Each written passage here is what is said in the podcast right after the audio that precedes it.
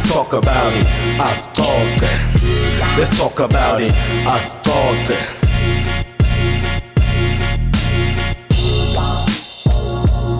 Episode 33 iyasicoca naPrince Vilakazi. Uma kuyi episode yakho yokucala le pressa follow la ku SoundCloud usilandzele ku Anchor usilandzele na ku Spotify ngilama interview la kaphuma khona. But mangabe ufuna kubona tonke letinto lesikhuluma ngato ke sinel page ku Facebook libhale asicoca naPrince Vilakazi. Then kungena ku episode yethu namuhla si sivakashile nginaso um I think masikhuluma ngeradio i radio lekangaka yendi ngiyacabanga i radio ya uh, online and uh, iradio yaseyitolo Oh yeah yeah. ya le yaseyitolo kambe ibizwa le Yeah, in store radio.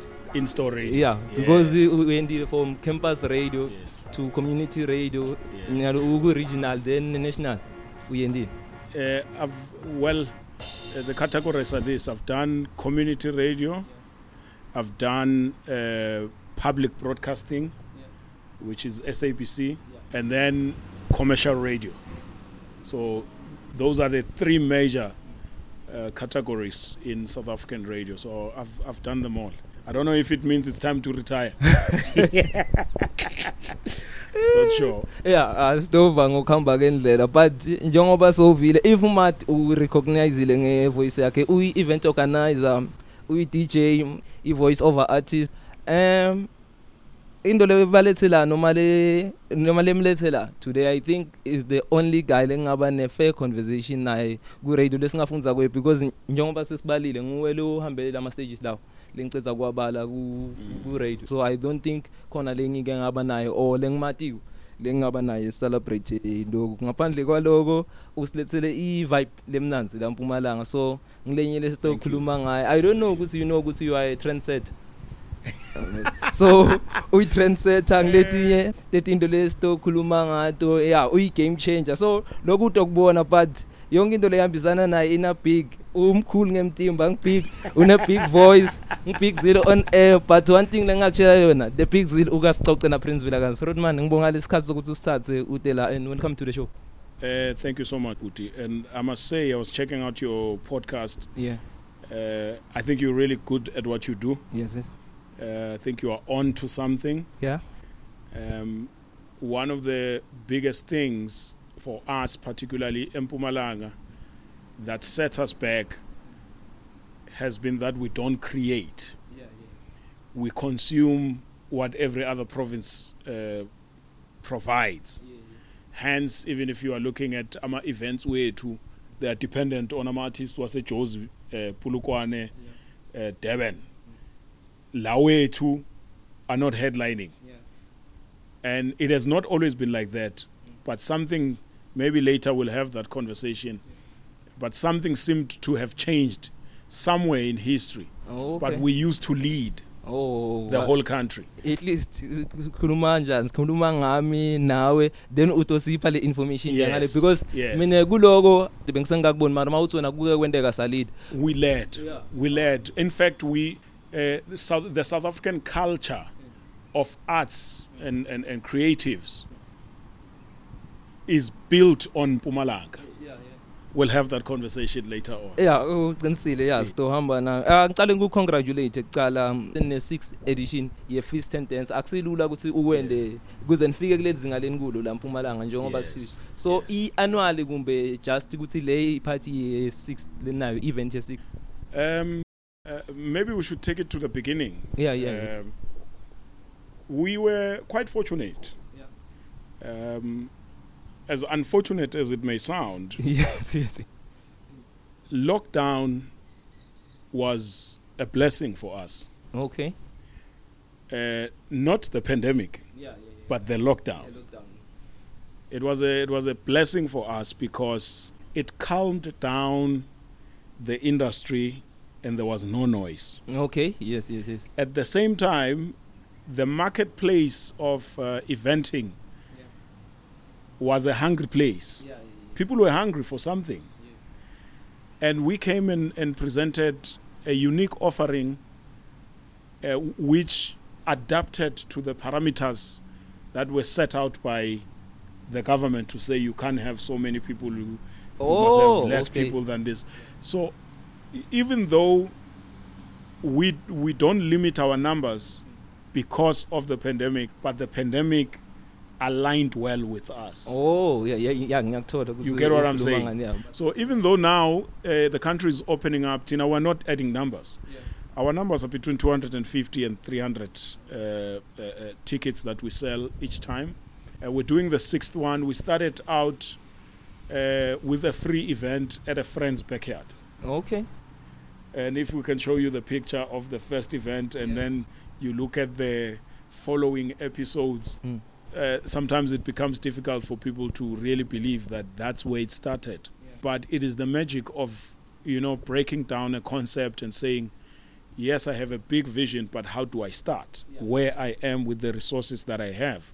So we said, here is an idea. Uh, let's invite our immediate friends. And each one of us, when we began, there was five of us. It used to be called the cookout. okay So we then said we're going to invite our immediate friends. Each one was to invite between 15 to 30 friends. Ultimately, you know, aba uma ngabe invite abangani, abanye bathi ngiyeza, abanye bathi ngizobe ngibusy, but by the time of the day those who are able to make it make it. I think we we ended up with about 100 people at the friends backyard and the DJs were cooking. Some of the DJs were cooks. Uh, uh, were cooking and we put out the little monies that we had, uh, bought food, and put together all the resources that were necessary. One of the brothers we were with uh, provided uh, the the place where, which is his home actually, provided us with a sound yake, wow and really said, uh, "Guys, let me empower you." okay um, and that's how it started. And and then later on, usagcina sesibabili ke ke mina no Gracious. And we left the cookout. We started i, i, i food porn. It was food porn at the time. okay asende so ngoba wona nyalo usale wangishaya ngeclarity ngiyayikhumbula i-football nele cookout so mina bengitshela ukuthi ngidokubuta nga one one Yes. but uyenda kahle masita mawuta so ngalendlela lena Yeah. so lengifuna ukuthola nyalo uma ngatholakala ukuthi lamathikithi aphelile lokusho ukuthi ngithengise i-sold out lo ngakathengi uluzile because Which we always we always do. We sell Yeah. out every Yeah. time. Yeah. yeah. But what's your question? yeah ay ngiyo so siya uyiphendule kahle ukuthi because i private party lele sikhuluma ngayo then lokuthi ni create ibe private because besakhuluma ngalendzaba ye pandemic ngile culture lele sinayo ukuthi i event leso la Mpumalanga akusiki ukuthi inga celebrate ngathi ku struggleisha lama event lamakhulu Yes. okay you see the makeup of, of, of Feast and Dance, because now it's called Feast and Dance. We we wanted to create a space where we can play the music that we love yeah without anyone coming and saying, "Hey, i owner iti dlala amapiano," yes yes yeah ngiyathola which I think is a struggle for many deep house, tech house, Afro house. Um, uh, uh, you know, all the, the, the dance music DJs who are playing uh, the sound that is on the deeper side and alternative side. Because mo- let me put it this way the entertainment industry in South Africa is run by entrepreneurs, not by creatives. 100% So entrepreneurs are there for the money, so they go with whatever is popular. yeah yeah yeah Yet, if you go into uh, the customers' phones and look at the library of music, you'll find that people are very dynamic in their nature. In the same uh, playlist, you'd find somebody listening to gospel music, listening to amapiano. Then uh, the next song you'll find is an R&B song. The next one you'll find somebody has dubstep. Somebody has artists nobody knows about. And that told us ukuthi there is a market and we need to create this space for ourselves goes back to my point earlier on that uh, you doing this podcast you are creating something we also wanted to create something unique something different. And it being something small and something unique in the beginning it was because we were starting out. Then we realized that actually this the direction of this thing needs to be uh, you know that unique intimate uh, feel. And then we started building around the concepts and the ideas that came after that f- to what it has become. Ukhuluma ngokuba unique ngiyacabanga ngiyacala kubona i-event le offerisha abantu indzawo yokulala after Yes. because masiya kwema event sibuye sibanjwe tinkunzi and stuff but nyalo uyasho Yes. ukuthi okay this is private eh maso ugciniwe utoya lapha. So asicale from the beginning. Kumuntu mhlambe longadi makhulunywa nge-fist and dance kuthi kukhulunywa ngani? Before ngifika la ngibone mangasiyi-golf kumbe ipolo lebluka i don't know ukuthi mhlambe ihamba ngayo ineyale sticker se-fist and dance. So Yes. lokucala kuva namuhla ukuthi kune-fist and dance and seyiku-sixth edition. Yes. Ungathi yini i-fist and dance? What is Fist and Dance? It is a, we call it an international, intimate uh, social gathering for people who love dance music. We fuse food and electronic dance music, especially focusing on Afro and tech house. Uh, we accommodate deep house, soulful house, but we are actually, in essence, an Afro and tech house event. We are limited, we're not exclusive, we're intimate there's a difference. Exclusivity means that there are people who are not supposed to be there. Intimate means it has to feel small and really uh, nice. Uh, when you get to Feast and Dance, you begin to realize some of the things that we put emphasis on in building the concept. Uh, one is we take a lot of uh, serious attention into the quality of sound, the quality of lighting, um, the event design. When you get to our event, even if you are the first uh, to arrive, you will not get there and feel like ah bantu basengafikanga. In fact, you'll be like, yes, I got here first, so I'll get to sit at the best place. At Feast and Dance, there is no uh, segregation of patrons. By that I mean, we don't do the usual. There's a VIP, a VVIP, oh and an extra okay, yeah, strong. yeah, yeah. We are all VIP. Yeah, it is a okay. VIP event. yeah that's why i-private we attract patrons from Mozambique, Eswatini, uh, Jozi, Pulukwane, uh, Pitori, KZN, Emalahleni, uh, Piet Retief. I mean, people come from far and wide, but it's a small event. That's that's the, the interesting thing about it. We attract tourism into the city of Mbombela, and we we then realized Uguti, there's a space for us to tap into. Remember, your vision in whatever you're doing will not be complete at the beginning. As you continue to do it, things will be revealed to you, ideas will come in, and you will build. And as we were building, we began to realize that Mpumalanga and the Lowveld, particularly, is a heaven of tourism. We have spaces that are untapped, uh, lodges and hotels. Some of the best venues in terms of lodges and hotels are here in the Lowveld of Mpumalanga because it's a tourism hub. It's a tourism city. And no one is tapping into that. So feast and dance only happens not at uh, clubs, lounges, and shisanyamas. Never. We book lodges and hotels.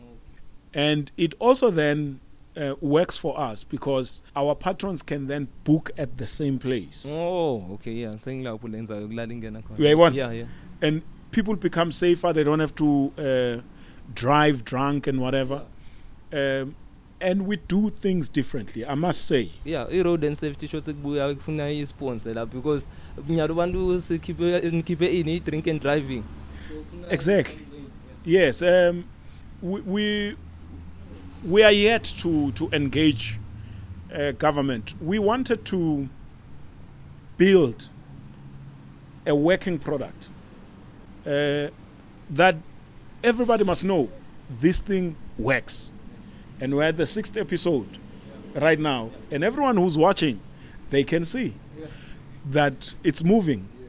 We are disruptive in our nature we do things differently. I, I have to emphasize this. That's what makes Fist and Dance different and unique. And people are, are like, what is this concept? What is this?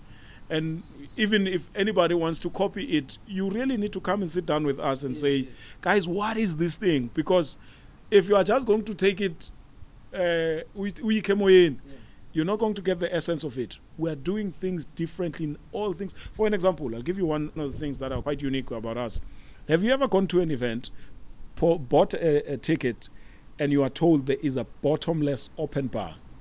Eh, good. Even neno ngisho ukuthi mina ngibone ngale lona le ukuthi uthola indzawo yokuhlala ayivami yes yeah kuba yes. khona. So yeah there's a lot le unique ngako even le event.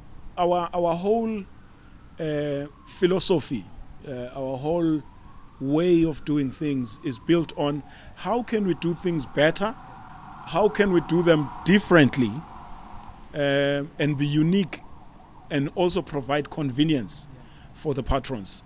So, really, South Africa and our neighboring uh, nations have been quite um, uh, uh, supportive to us. I mean, we've attracted people from the USA. bengisafuna kubuta ngalo ngiko mawulona mawungena ku page nalomjida licitsa kumnika inamba kune US dollars kuse kukhombisa ukuthi le mali le ungeta mani nalakithi so even Yes. nalama hotel umsebenzi waloko so ninayo iplan ukuthi kusasa siyayithatha outside South Africa like sike sabona Shimza i one man show Yes. ayisale because bangayidemand abantu ukuthi no madoda site le experience le buya mina nginel hotel Yes. e America so Yes. ikhona Yes. i vision yokuthi siya lapho Definitely. Uh, we cannot talk much yet because ukukhulumela emlilweni kuyingozi. yeah yeah But I can confirm ukuthi our patrons who come from Mozambique, who come from Eswatini, have already requested that guys, Nesbona, we are coming to support you. We want this thing nati in our own backyard. So we are considering those requests. Uh, when and how uh, Swiss Dance is all about uh, secret yeah because the secret location and everything about it is a secret. But we are open to it. We are in consideration of those requests, and we hope to be able to do it soon. ukhulume ngokuthi la Mpumalanga ke kuhlukanisa ama entrepreneurs kuzadila ngebusiness if ibusiness lena ingasipani ngiyacabanga sibonile makufika icorona ukuthi bogogo bavukile tuketfonye ukuthi ma entrepreneurs nani nani but lele sikwendako udzinga ukuthi sicreate so kune premium beat ne Kitika if ngiyibita ka Katika. ikatika Yes. okay yeah ngeva ngathi igama Yeah. le machina le Katika so ngifuna kwathi ukuthi ngibobani abantu laba create i fist and dance because i know the two brands Yes. noma ngiwo lengwanothise kakhulu ukuthi okay Yes. lawa ngathi akusiyi ma sponsor Yes, we, we. It is important for us to um, uh, give thanks and recognize everybody that has been involved in this journey. Uh, like I did explain earlier on, that we started out as the cookout. Uh, I was invited into the cookout oh okay by uh, Katika, that's Gracious Dio, who is my current partner. I was invited by him. Uh, they were a group of DJs who were thinking about similar ideas that I also had similar ideas within Premium Beats.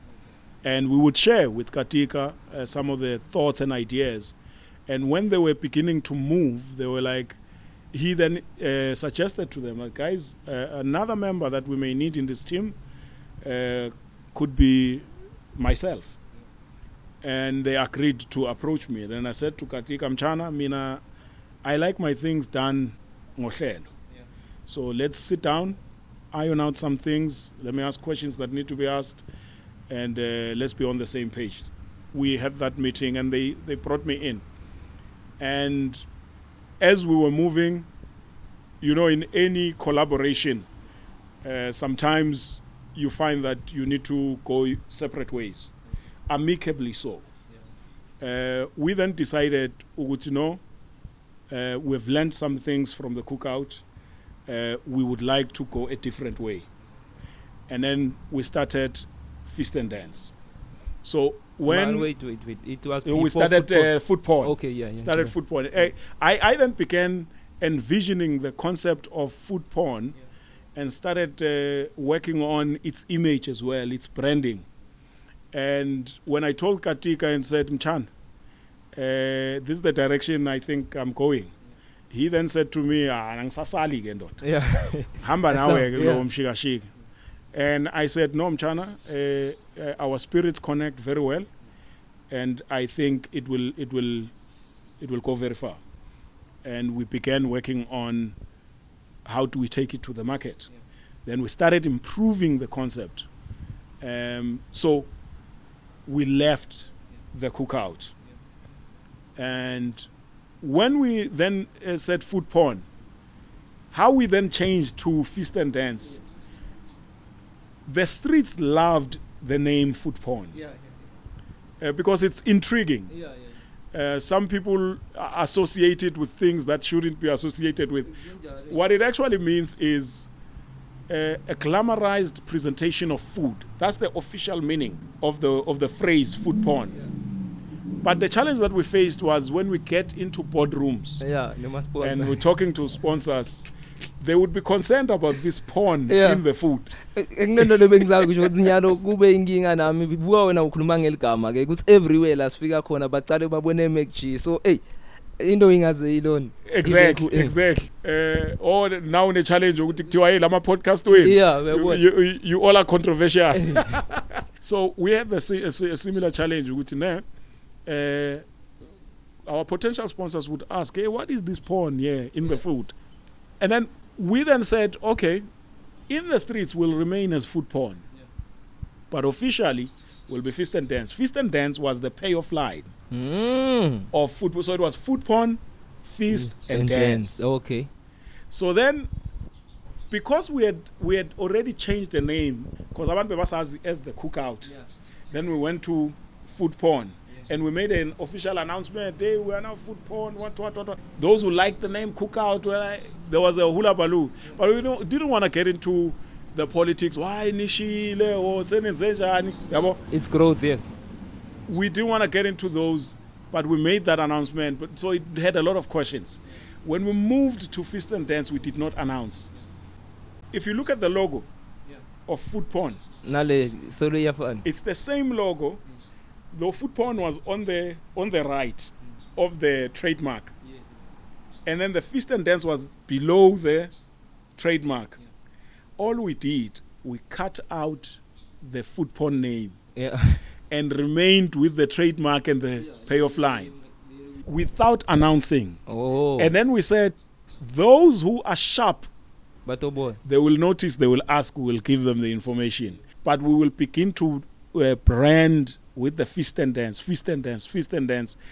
And then it got into people's minds. Only later, people then began, are we now feast and dance or now food porn? yes And then now, as we prepare for the sixth episode, we then took Lofist and Dance from the bottom of the trademark and put it where the food porn was. It's actually Okay. marketing engineering. yeah yeah yeah Um, we, we then placed it where the food porn was because the time is right. And then now the payoff line is beautiful vibrations. yes yes yes yeah. So that's that's what it is. Um, so that's the journey of I- I- I- Feast and Dance. And right now, officially, we're Feast and Dance. And we have no problem uh, if our patrons refer to us as food porn. We are still food porn. Uh, for those who know the legacy, Yeah. uh, who know the, the, the journey, the story, who have been following from the beginning. But to those who just joined us now, they know us as uh, Feast and Dance. imhla ka5 manje ke lofuna kuyakhona wena njani lokufuna kuba iphathi ye feast and dance lo ngakase futhi Yes. wayibona okay asicale nge experience yakho sikhulumele i dance music i afro house afro tech Yes. ngicabanga techno yedwa kuhambisana ne dance music la especially kule field ye house ngoba uthi ne deep house ne accommodate so kunema DJs phela or bakhona nema artists la performa i deep house music Uh, we don't do performances per se. Maybe in the future, uh, we are focused on uh, tech house and Afro and Afro house. Um, i- it's a food event. When you buy your ticket, the ticket is 800 rand. When you buy your ticket, then you get access to our entire VIP experience. Uh, you will uh, partake in uh, the buffet that we'll be serving, and drinks are a bottomless open bar, and uh, we take you to a secluded secret location. You are able to also book accommodation at the same place. Uh, the 5th of, of, of March is going to be at uh, an award winning um, lodge within the city of Mbombela. Um, i- i- it's all about beautiful vibrations. We do not, remember, I told you that we do things differently. We don't announce our lineup, never. yeah yeah okay yeah So- at least Yes. So we don't sell a lineup, we sell an experience. We feel that this lineup uh, concept of doing events is not sustainable. Yeah. Um, so you, you end up paying somebody to promote them. yeah yeah. So I pay you to make you bigger in my community. yeah yeah I feel like it's it's actually not it's not sustainable. yeah It's based on celebrities. Yeah. We don't do celebrities. Ngile experience yeah yeah We don't do celebrities.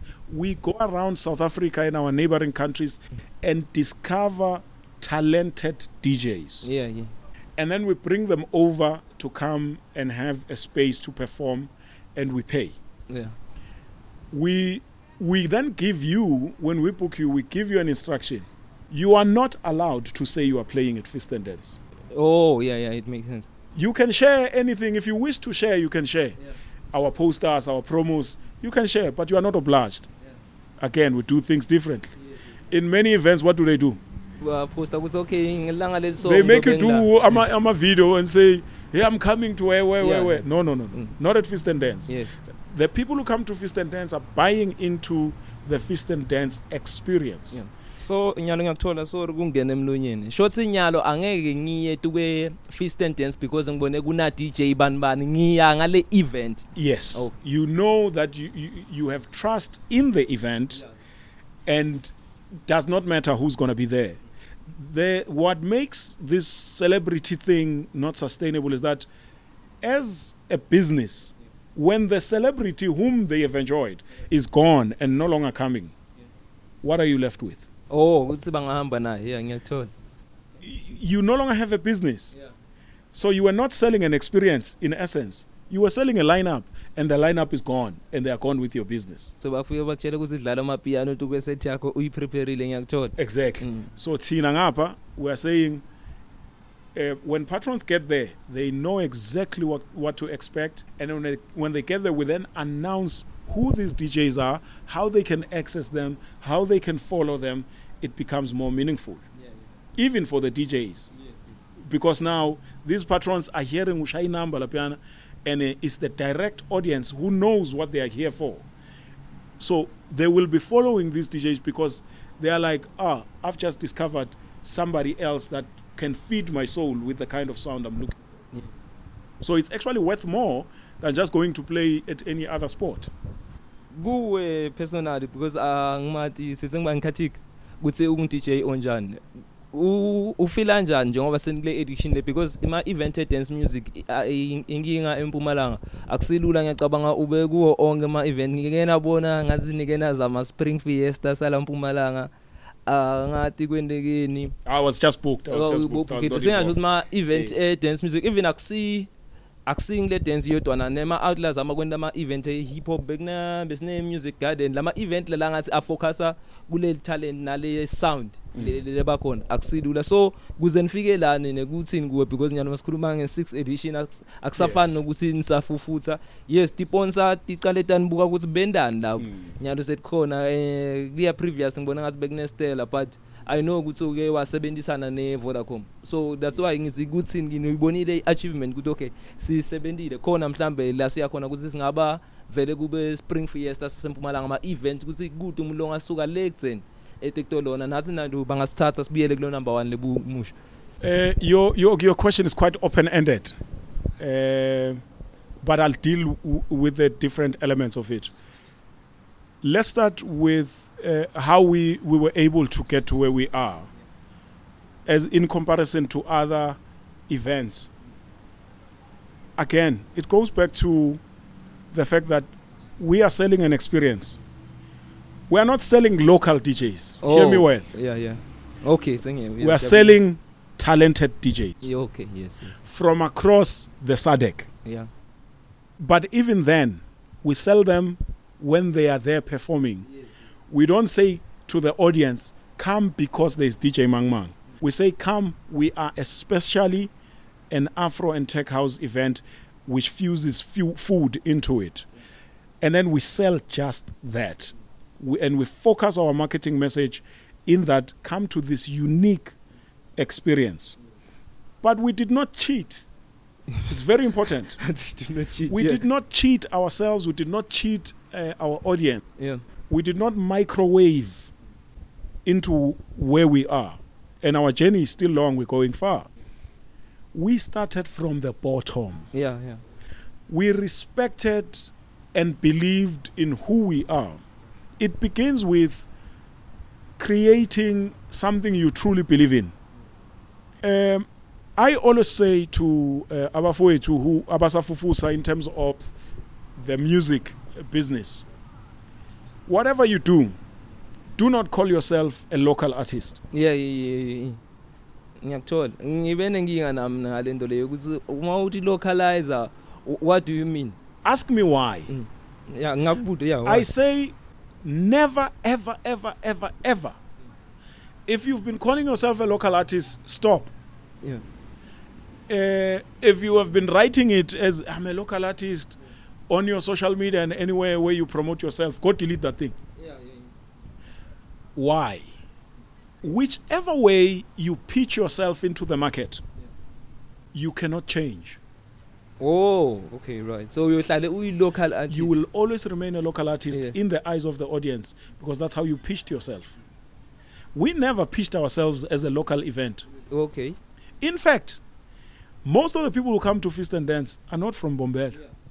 If you go to our social media and you just scan and look for people you know, chances are you're not going to find any of your influencers at Feast and Dance. We're not saying they are not welcome. We would love to Yeah. have them. Mm. But when we were pitching ourselves into the market, we could not pitch ourselves as a local event. Had we done that, it would take us longer. If you say you are a local artist, there are connotations that come with that, yeah which become difficult to get rid of. Such as the money you will charge anyone who wants to book you. it has to be low You might be uh, getting booked for a six pack. You might be getting booked for imali that will remain the same all the time. Uh, just ukuthi uthenga amafutha okugqobisa because there is a bad connotation that the industry associates with local artists. Does not matter how talented you are. When Zahara came into the into the marketplace, TS Records never pitched Zahara as a local artist. They took Zahara on a tour. I'm telling you something I know. They took Zahara on a tour, a radio tour, a performance tour across the country. I think it was about three to six months. Within six months' time, Zahara was a household name. yeah yeah in south africa You want to build your brand, yeah travel. okay You want to build your brand, don't associate yourself with the connotations of local artists. Let the local community call you local because you belong to them. yeah But don't brand yourself as a local artist. You are an artist. Finish and klar. You are what? and I An artist. If you say you are a, lo- a local artist, then does it mean that if a, a market in any other country Se- seyakufuna wants you, angeke usakhona kuya because wena you are local you are local. okay yeah utrademarkile kahle kahle wathi brand you have blocked yourself. okay mm. And understand why we say we are local. We are trying to represent our hometown. yes yes You don't have to represent your hometown by saying you are local. To represent your hometown, you need to call yourself an artist. And when you are up there, your hometown will say, He is ours. Then your hometown will be your constituency. But if you say, I'm local, then your hometown has nothing to brag about. yes yes. okay ngabona nyalo ngive kahle anisi local event ngoba We are an international, intimate electronic dance music uh, food event for electronic dance music lovers. Go into our Instagram and read our, our, our, our profile. Instagram, Twitter, and Facebook. It's the same. We didn't just write that, it evolved over time. And the main thing has been food, electronic dance music. But over time, we're able to clearly describe who we are. It is important that you must be able to describe yourself.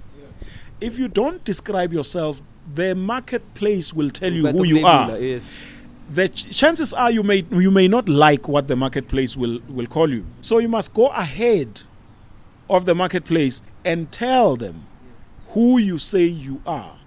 Then they begin to learn what you are bringing to the table. As we speak right now, the city of, of Mbombela is beginning to embrace feast and dance. But for previous episodes, it has always been who's doing this event, what is it about, who's performing, Yeah. and all of those questions. And we keep telling people we don't announce our lineup. You frankly don't need to know who's doing the event. yeah nokuthi sikuphi awards You don't know where the event is yeah If you want to experience what it is, follow the instructions. So, to partake on Fist and Dance, we don't. If you look at any of our promotional material, um, you will never find all the information on a poster, on a video. What we put in there is will communicate one element of the of the event. For an example, we'll say bottomless open bar, and that's it. After that, we say send hi to this WhatsApp number 072-120-2278. yeah mawulaleli ungasenda khona lo tokubona eh nami Yes. ngibonile eh When you send on that on that number, we then begin to feed you with the information. yeah And in the spirit of doing things differently, we are the only event in South Africa that when we do an event, we send you a prospectus. There's a prospectus that we create for every event with all full details. Fist and Dance, you must read. It's a four page prospectus that tells you about everything that will go on, how things will be done, what is the theme, how do you get accommodation, and all of those things because we take ourselves seriously. When you look at our branding, we take ourselves seriously. We don't brand like every other event.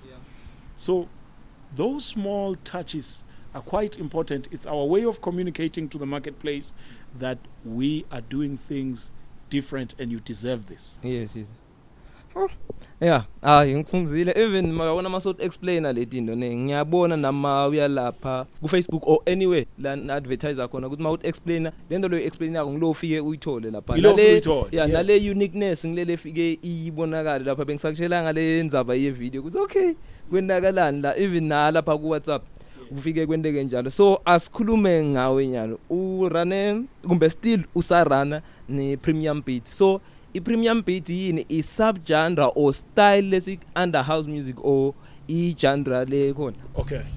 Um, couple of things. Premium Beats is the company that manages the Big Zill on air. It is also the brand that I dubbed the sound I play. yes yes yes okay So my sound is called Premium Mm, Beats. mm. My partner's sound is called Katika. okay Katika and Premium Beats are a, then Fist and Dance is a collaborative, a collaborative effort of Premium Beats and Katika. But Premium Beats is the company that manages the Big Zill on air. Everything that I do. It is also a podcast of uh, house mixes. yeah i remember ku lockdown Yes. buwenda ama live video khona Yes. yeah yeah And you can get audio mixes as well via premiumbeats.co.za.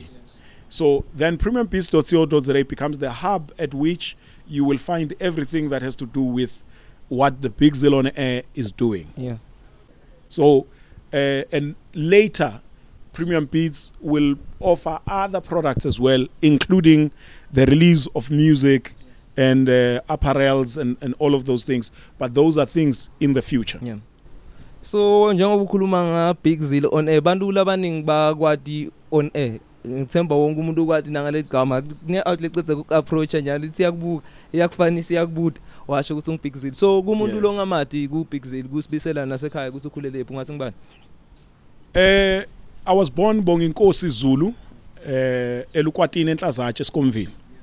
That's where I'm from, that's where I hail from. Um, I am a born creative. I'm a maker of magic. yeah. Make up magic.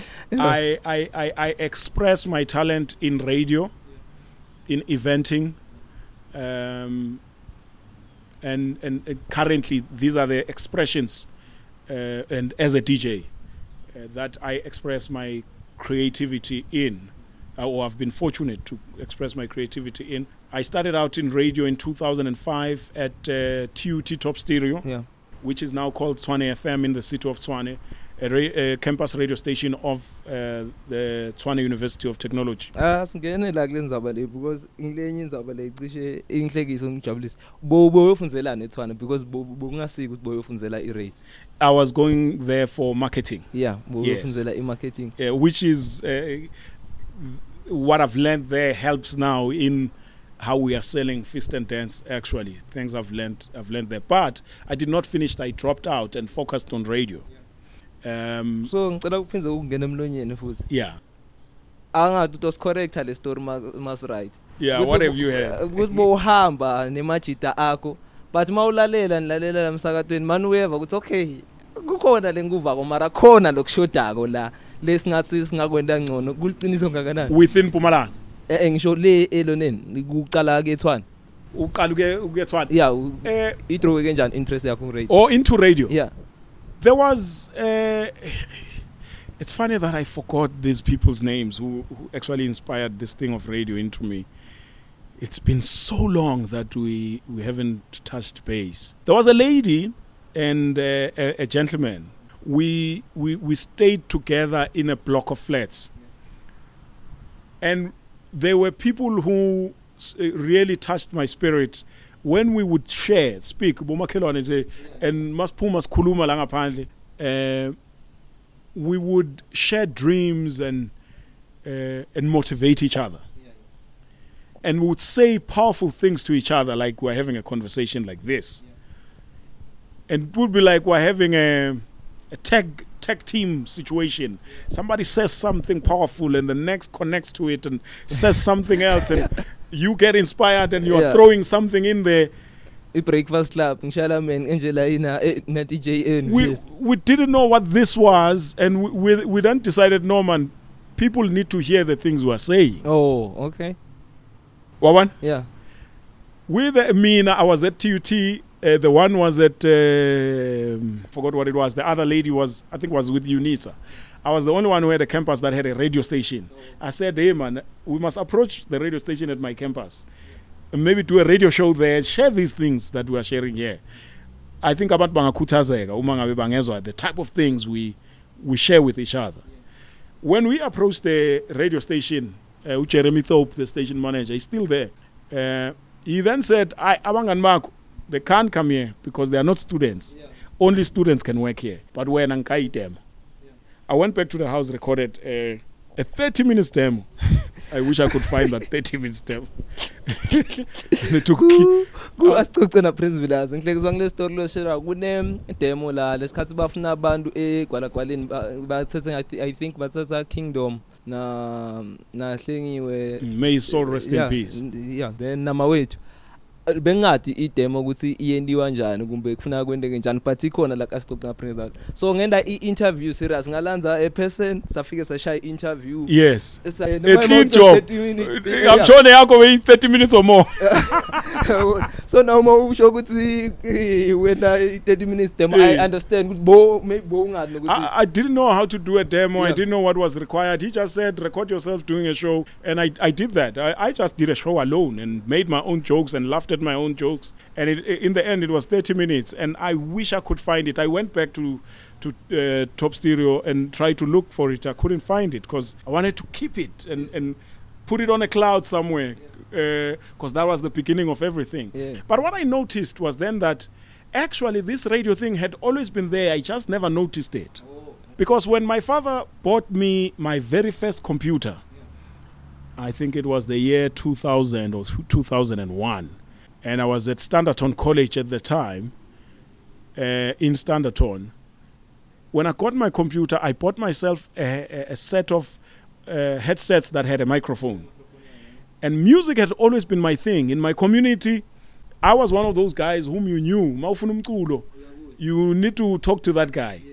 I was the guy who makes noise for the whole community ngikhipha ispeaker ngenza ingadi ngirasila ngalonke la ngaphandle. I was that guy and I would also record myself or not record myself but play music and pretend to be on radio with that headset of mine.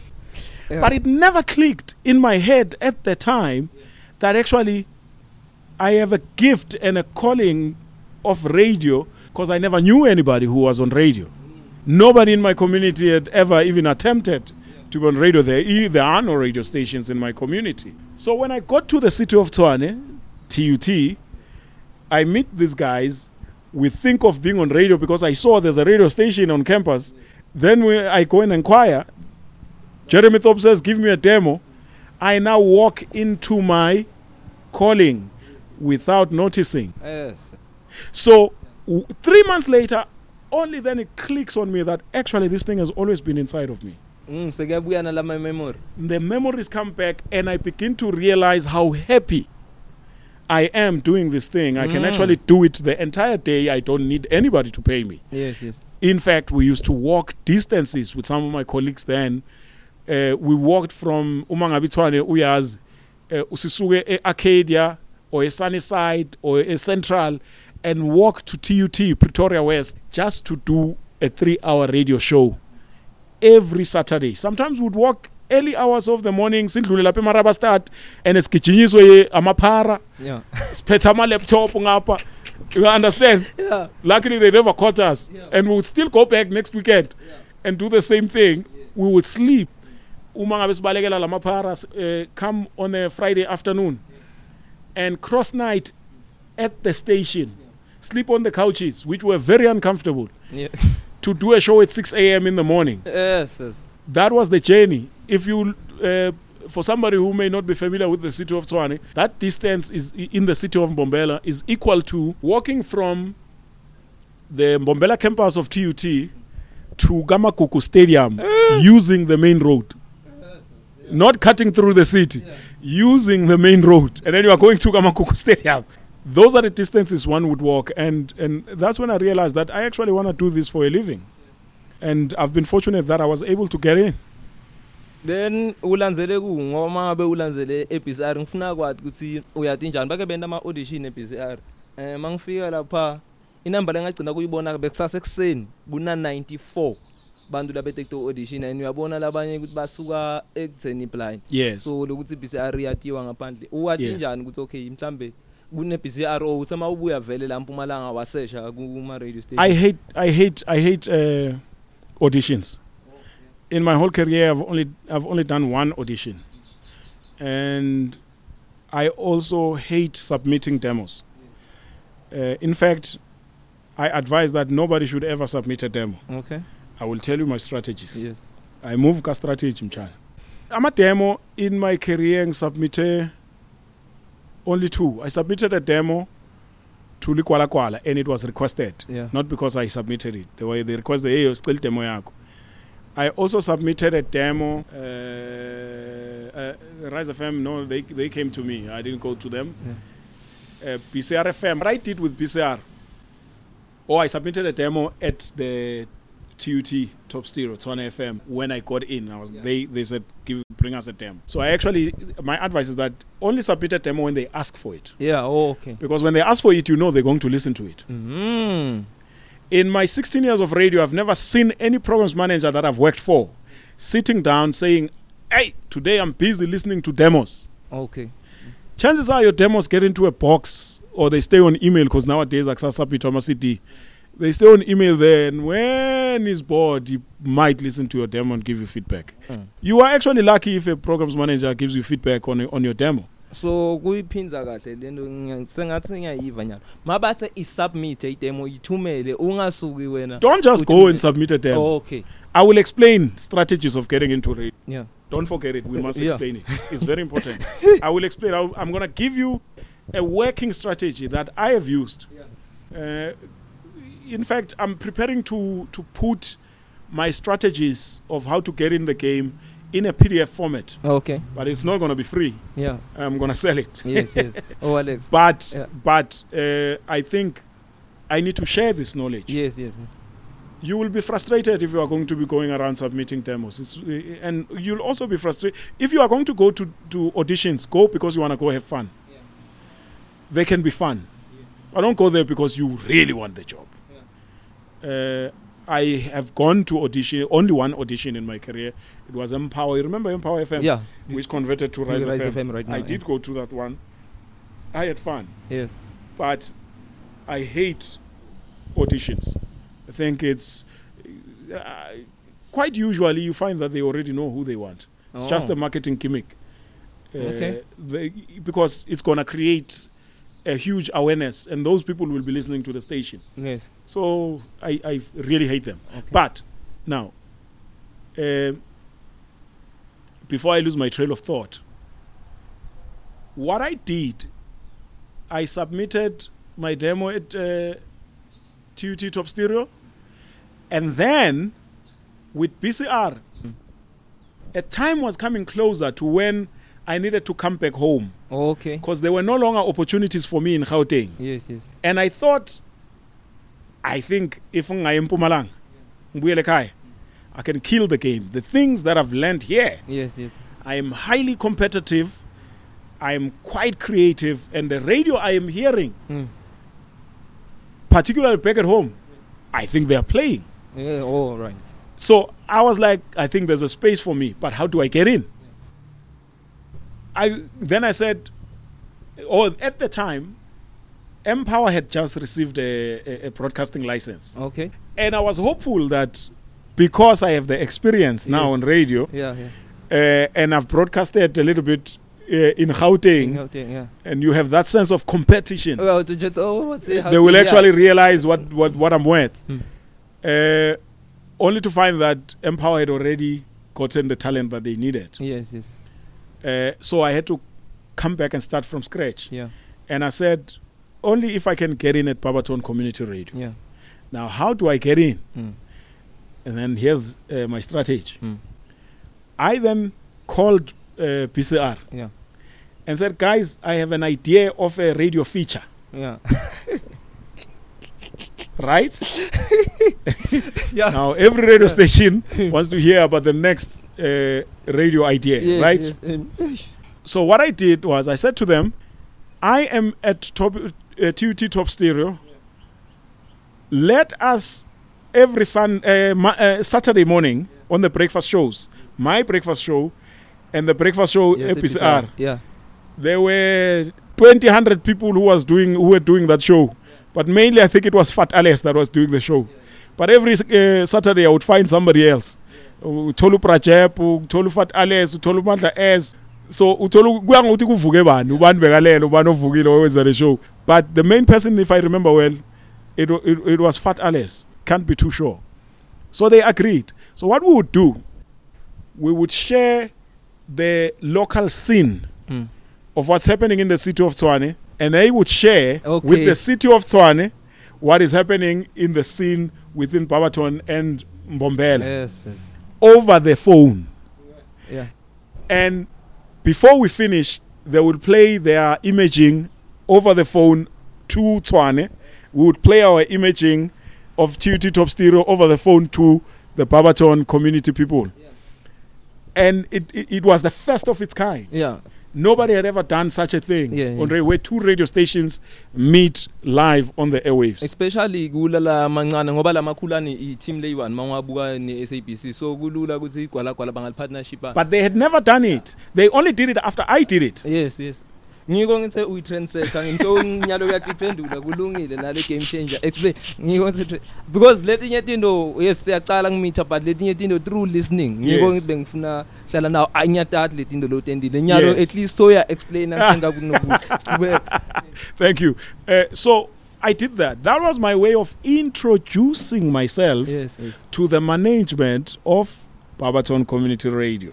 Because I needed to make sure I find something else. yes yes Remember, I had dropped out of school yeah and I said I'm chasing this radio thing. mm. So I had to make sure that I, I make this radio thing work. yeah In fact, a year before uh, I moved to, I think it was a year before I moved to, or was it two years?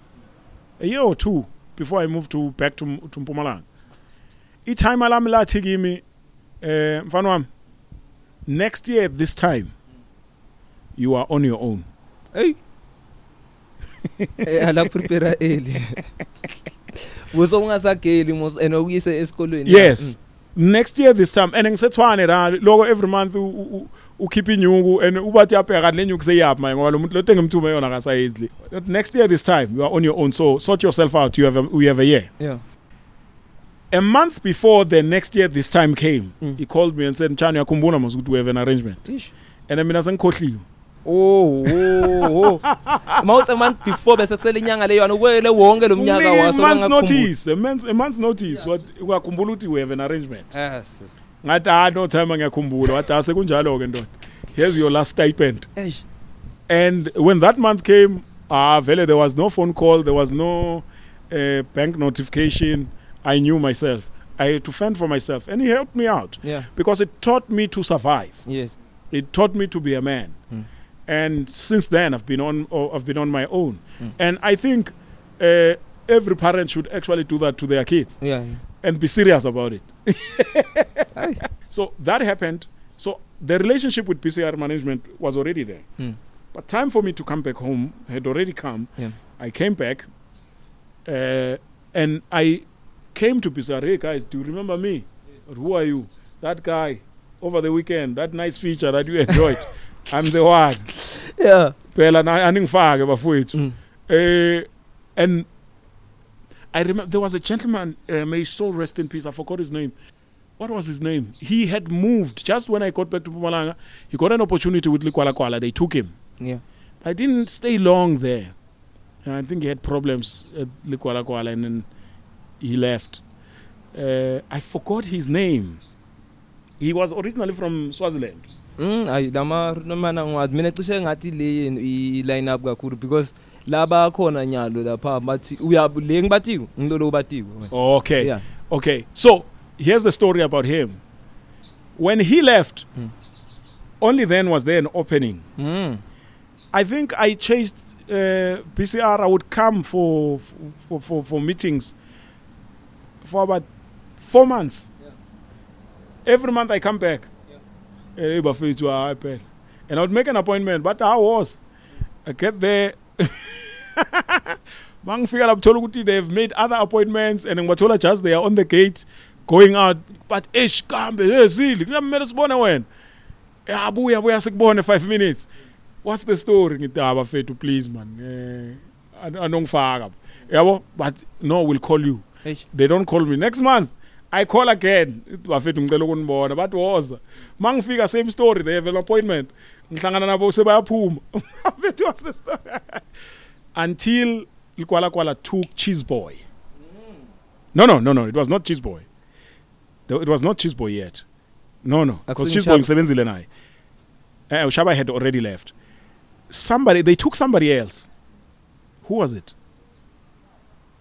Was it Slaban I think it was Slaban yeah okay. I think they they had taken Slaban yes I think it was Slaban if I'm not mistaken I, I stand to be corrected. Then a space opened. Who was the person they know who wants the job and is very capable? Ngu- ngu- It was me. okay. Nice. Waban Yeah. goes back to my strategy I'll tell you. Then I got in. They gave me azange bavele bangaya top shows. Bangifaka ebusuku bangifaka ngeweekend I had three shows. Within 6 months when the time for changing a lineup came they then gave me the afternoon. Angathi nifike kahle ke bafana. Yeah. Ngathi nifike kahle ngabakhombisa umhlolo. Yeah. Uh, I think BCRFM may have been one of the best radio shows I've ever enjoyed. The afternoon drive there, total creative freedom, obviously with parameters and respect, because you must respect your listeners. And there are uh, radio, there are laws in radio. It's not like this podcasting. oh here we ungathuka have abantu. laws yeah yeah yeah but yeah continue So there, there's rules and regulations. yeah But there was total creative freedom, uh, followed by my Party Time Reloaded show on Lukwala Kwala F- FM, one of the best uh, platforms I've also enjoyed within my career. Total freedom uh, of creativity. So that's how I got into e- Elon. Ngiphe le line up yenu manisa lapha mm, eloneni e BCR because nginento lengifuna kuyibuta ngawe na give and take nisebenze na give and take eloneni Give and take him to Lukwala Kwala. okay ah cishe tongibale Ku ku ku ku Pisar FM. He was one of the elders uh, Yeah. who had already gone, but they still kept touch Yeah. with with PCR FM. So they would come and talk to us. then i rise fm main approach in approach nobabili Uh-uh. Give and take joined us later, Okay. if I remember well. Because lento le ngifuna kuyibuta ngifuna ku-understanda ukuthi okay sesitoyibuta wena. Ukuthi nikhone njani ku-breaker le gwalagwaleni number one kusakata ngesiswati ungumzulu usakata ngesizulu give and take usakata nge-english. Yes. but ukhona ekusebenta egwalagwaleni then i-rise fm ifike yakuhlala ngale linguistic because nyalo yes ukhonile ukuthola lelona so ngikubuta ukuthi e-bcr ukhone kufika ku-drive yes abathi kwendiwa siswati but Mm. egwalagwaleni basebenzisa lesiswati so Yes. bengifuna kuva ukuthi nitsabule njani le line ukuthi ungene wena kusakata ngesiswati lapha Oh no, it's it, it's about who I am. yeah And many people don't know this. Uh, maybe uh, mainly those in in PCR because PCR vele bengisebenzisa isiZulu. Ngizalwa intombi yomswati. oh Eh unkosi uDlamini. So siswati ngisathi njengoba sinjalo. okay In fact ngisimunyile yeah siswati. So ngikhuluma siswati phinde ngikhulume nesiZulu. Mangikhuluma isiZulu ngikhuluma isiZulu. Nangikhuluma siswati ngikhuluma siswati. Angicubi. okay yes We understand? yeah So nangifika eGwalagwaleni there were those who were worried yeah kuthi wena ngoba sihlale sikukhuluma isiZulu utolunga yini la? Yeah yeah yeah only to find out that eh leswati Hey. ngisimunyi esikhona eh so basically i am multilingual. Yeah yeah. Ngiko ngithi rise Yes. FM fike vele yakuhlala yeah yona. multi I'm multilingual. Uh, and since i've been kuligwalagwala i've never had even one complaint. Not even one complaint of anybody saying hey leswati sakho ngathi asisiva kahle. In fact i spoke uh, a better siswati than some of my colleagues. Yeah. because angesiswati sasembobelo yasathi eh sihlangahlangene siya si- sinekunkumba si- ekhathi yes. kuya ngokuthi uvela ku mara ma Yeah, kune- mawuqhamuka ebaptini uright khona le ndzawo leni ngala. Ya kunalokuthi kube umuntu athi eh ngiyamthanza kusonto umthanza kuye. Yeah.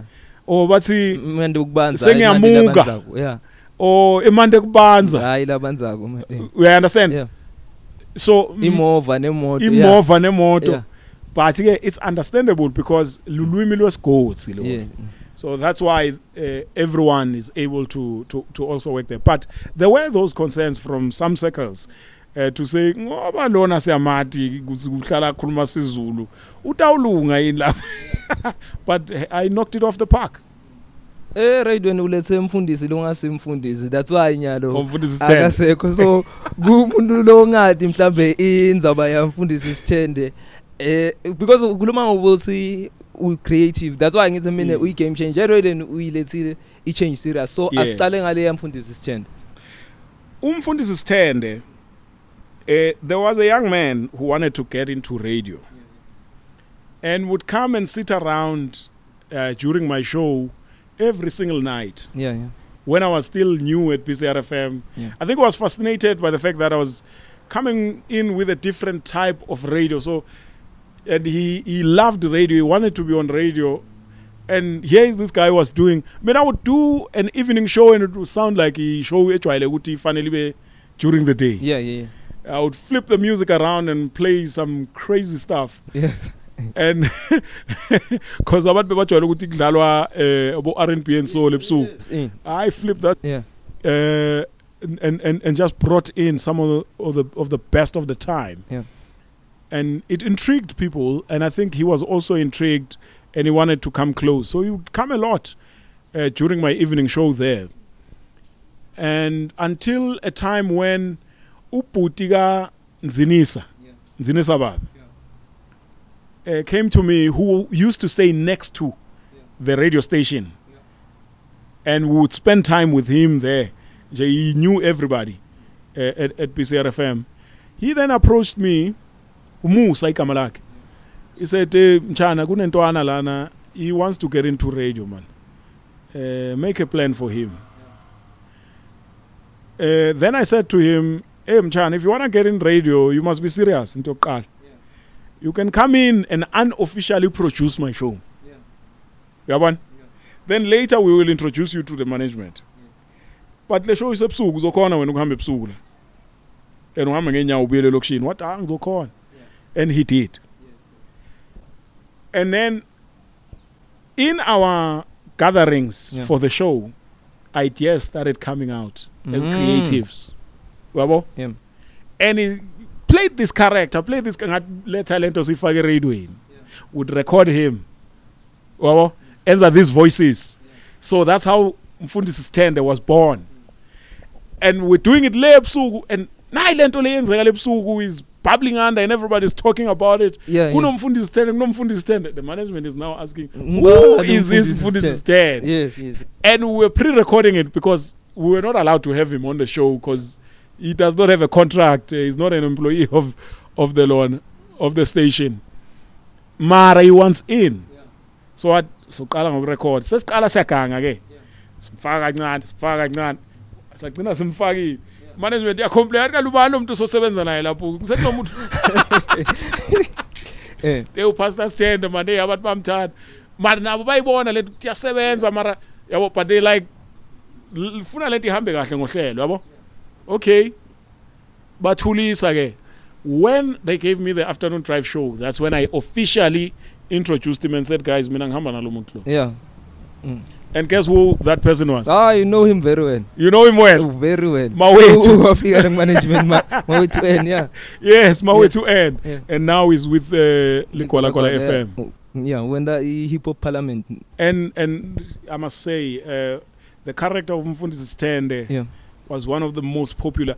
I think at the time we competed very well, and in fact, besiphazamisa even likwala kwala within the city where remember ipisari ncane yeah. But la thina besifika khona. Yeah. Abesiphazama ama-taxi wasembombela bewamamela iPCR yeah yeah. Afternoon. Yeah. Bese bawamame- we were disturbing. We kahle kahle mina i think uh, this thing yokuba disruptive vele it's it's in my nature. When i get into a space uh, i think i'm quite dis- disruptive. And we were being disruptive then. That's how also kola kola was able to say hayi mani kunentwana lapha kola kola kuphi CR eh ayibuye ngapha yabo? Yeah. so you have to be disruptive in the platform yale opportunity oyitholile. Hmm. you can't just uh, be there for the sake of being there. You must be always thinking how can i do uh, better how can i do better radio? So mawufika kwente kanjani? Uthola le creative freedom because okay liyamfundisa isithende beng- bengiyibamba kancane but yabona usema ufika kuligwala kwada mm, ngifuna kuba honest. I think that's where like lawo nami ungishaye khona. Lento yema live performance yes yes, eMpumalanga yes yes. Ptr Give- live acts. Kimi ngicala giva ngawo. Ah that's why ngithi i radio zempumalanga we change it. I don't know beka- bekangekho. Bewangekho. Thank you sir. Thank you kuba sir. honest. Eh Stunkero wafika washaya stolen property nemajita akhe wafika i yakho kwafika Yes. i blank page. Yes ngindo wakhohlwa onke because but ngiyabakhumbula bonke laba- kwafika bomaraza. Yes. Eh, u- u- wafika bozano we Yeah. brought big acts and small acts. Yeah yeah, yeah. uh, that was one of the very nice times i enjoyed on radio. So kwenta kanjani bafike bakunikele show then bakunikele creative freedom or bafike bathi no sifuna lo lokwende le chubeka uwende la thina sigaya idon or I must say, uh, when when I got to Likwala Kwala, uh, the leadership there was looking for creativity. okay. In fact, bebaxabana nawe mangabe ungekho creative. mm Uh, into abafuna ukuyazi kuwe ukuthi what have you got to offer. Uh, so I'm I'm forever grateful to u- Igrotman, uh, re Ubabrio Mabunda, yeah uh, as well as Magen Vajan, uh, who was the programs manager, and uh, Rio Mabunda was the station manager at the time. In fact, Mm. never even once have I submitted a show plan and I was told, ah, you're not doing this. yeah Uh, they just wanted to know, what can you give our listeners? yeah And mina bengishota ngaleyo nto. That's all I wanted. yeah Uh, ukuthi, if you give me the creative freedom, mm. don't stifle my creativity. yeah yeah yeah within the the format. If you do that you're not going to get the best of me. I don't work well with the formatting too much. Don't Yeah. format too much. Yeah yeah. We need format for structure. Yeah yeah.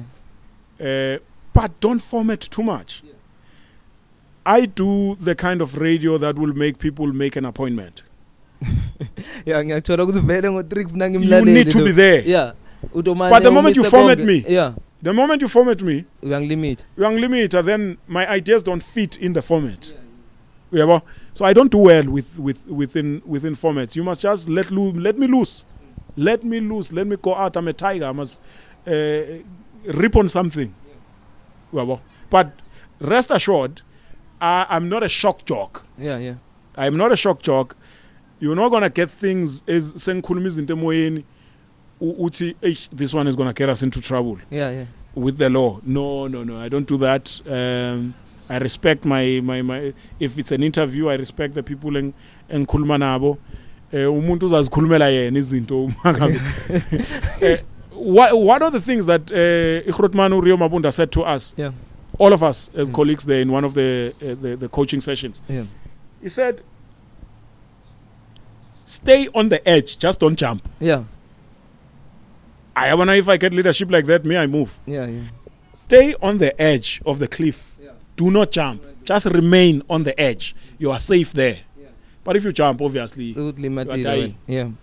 So that uh, policy or mantra worked for me, and I think Gulukwala Kwala, uh, I was able to express myself quite honestly and in a big way. I enjoyed my play, my time there. Ngiku radio but ngingumlaleli kundlula i radio then lo mlaleli lo lenguye ngine favoritism. Yes bekulalela uselapha igwala gwaleni but angathi le stage sifike njani le sisha bathi Rise FM. Haw.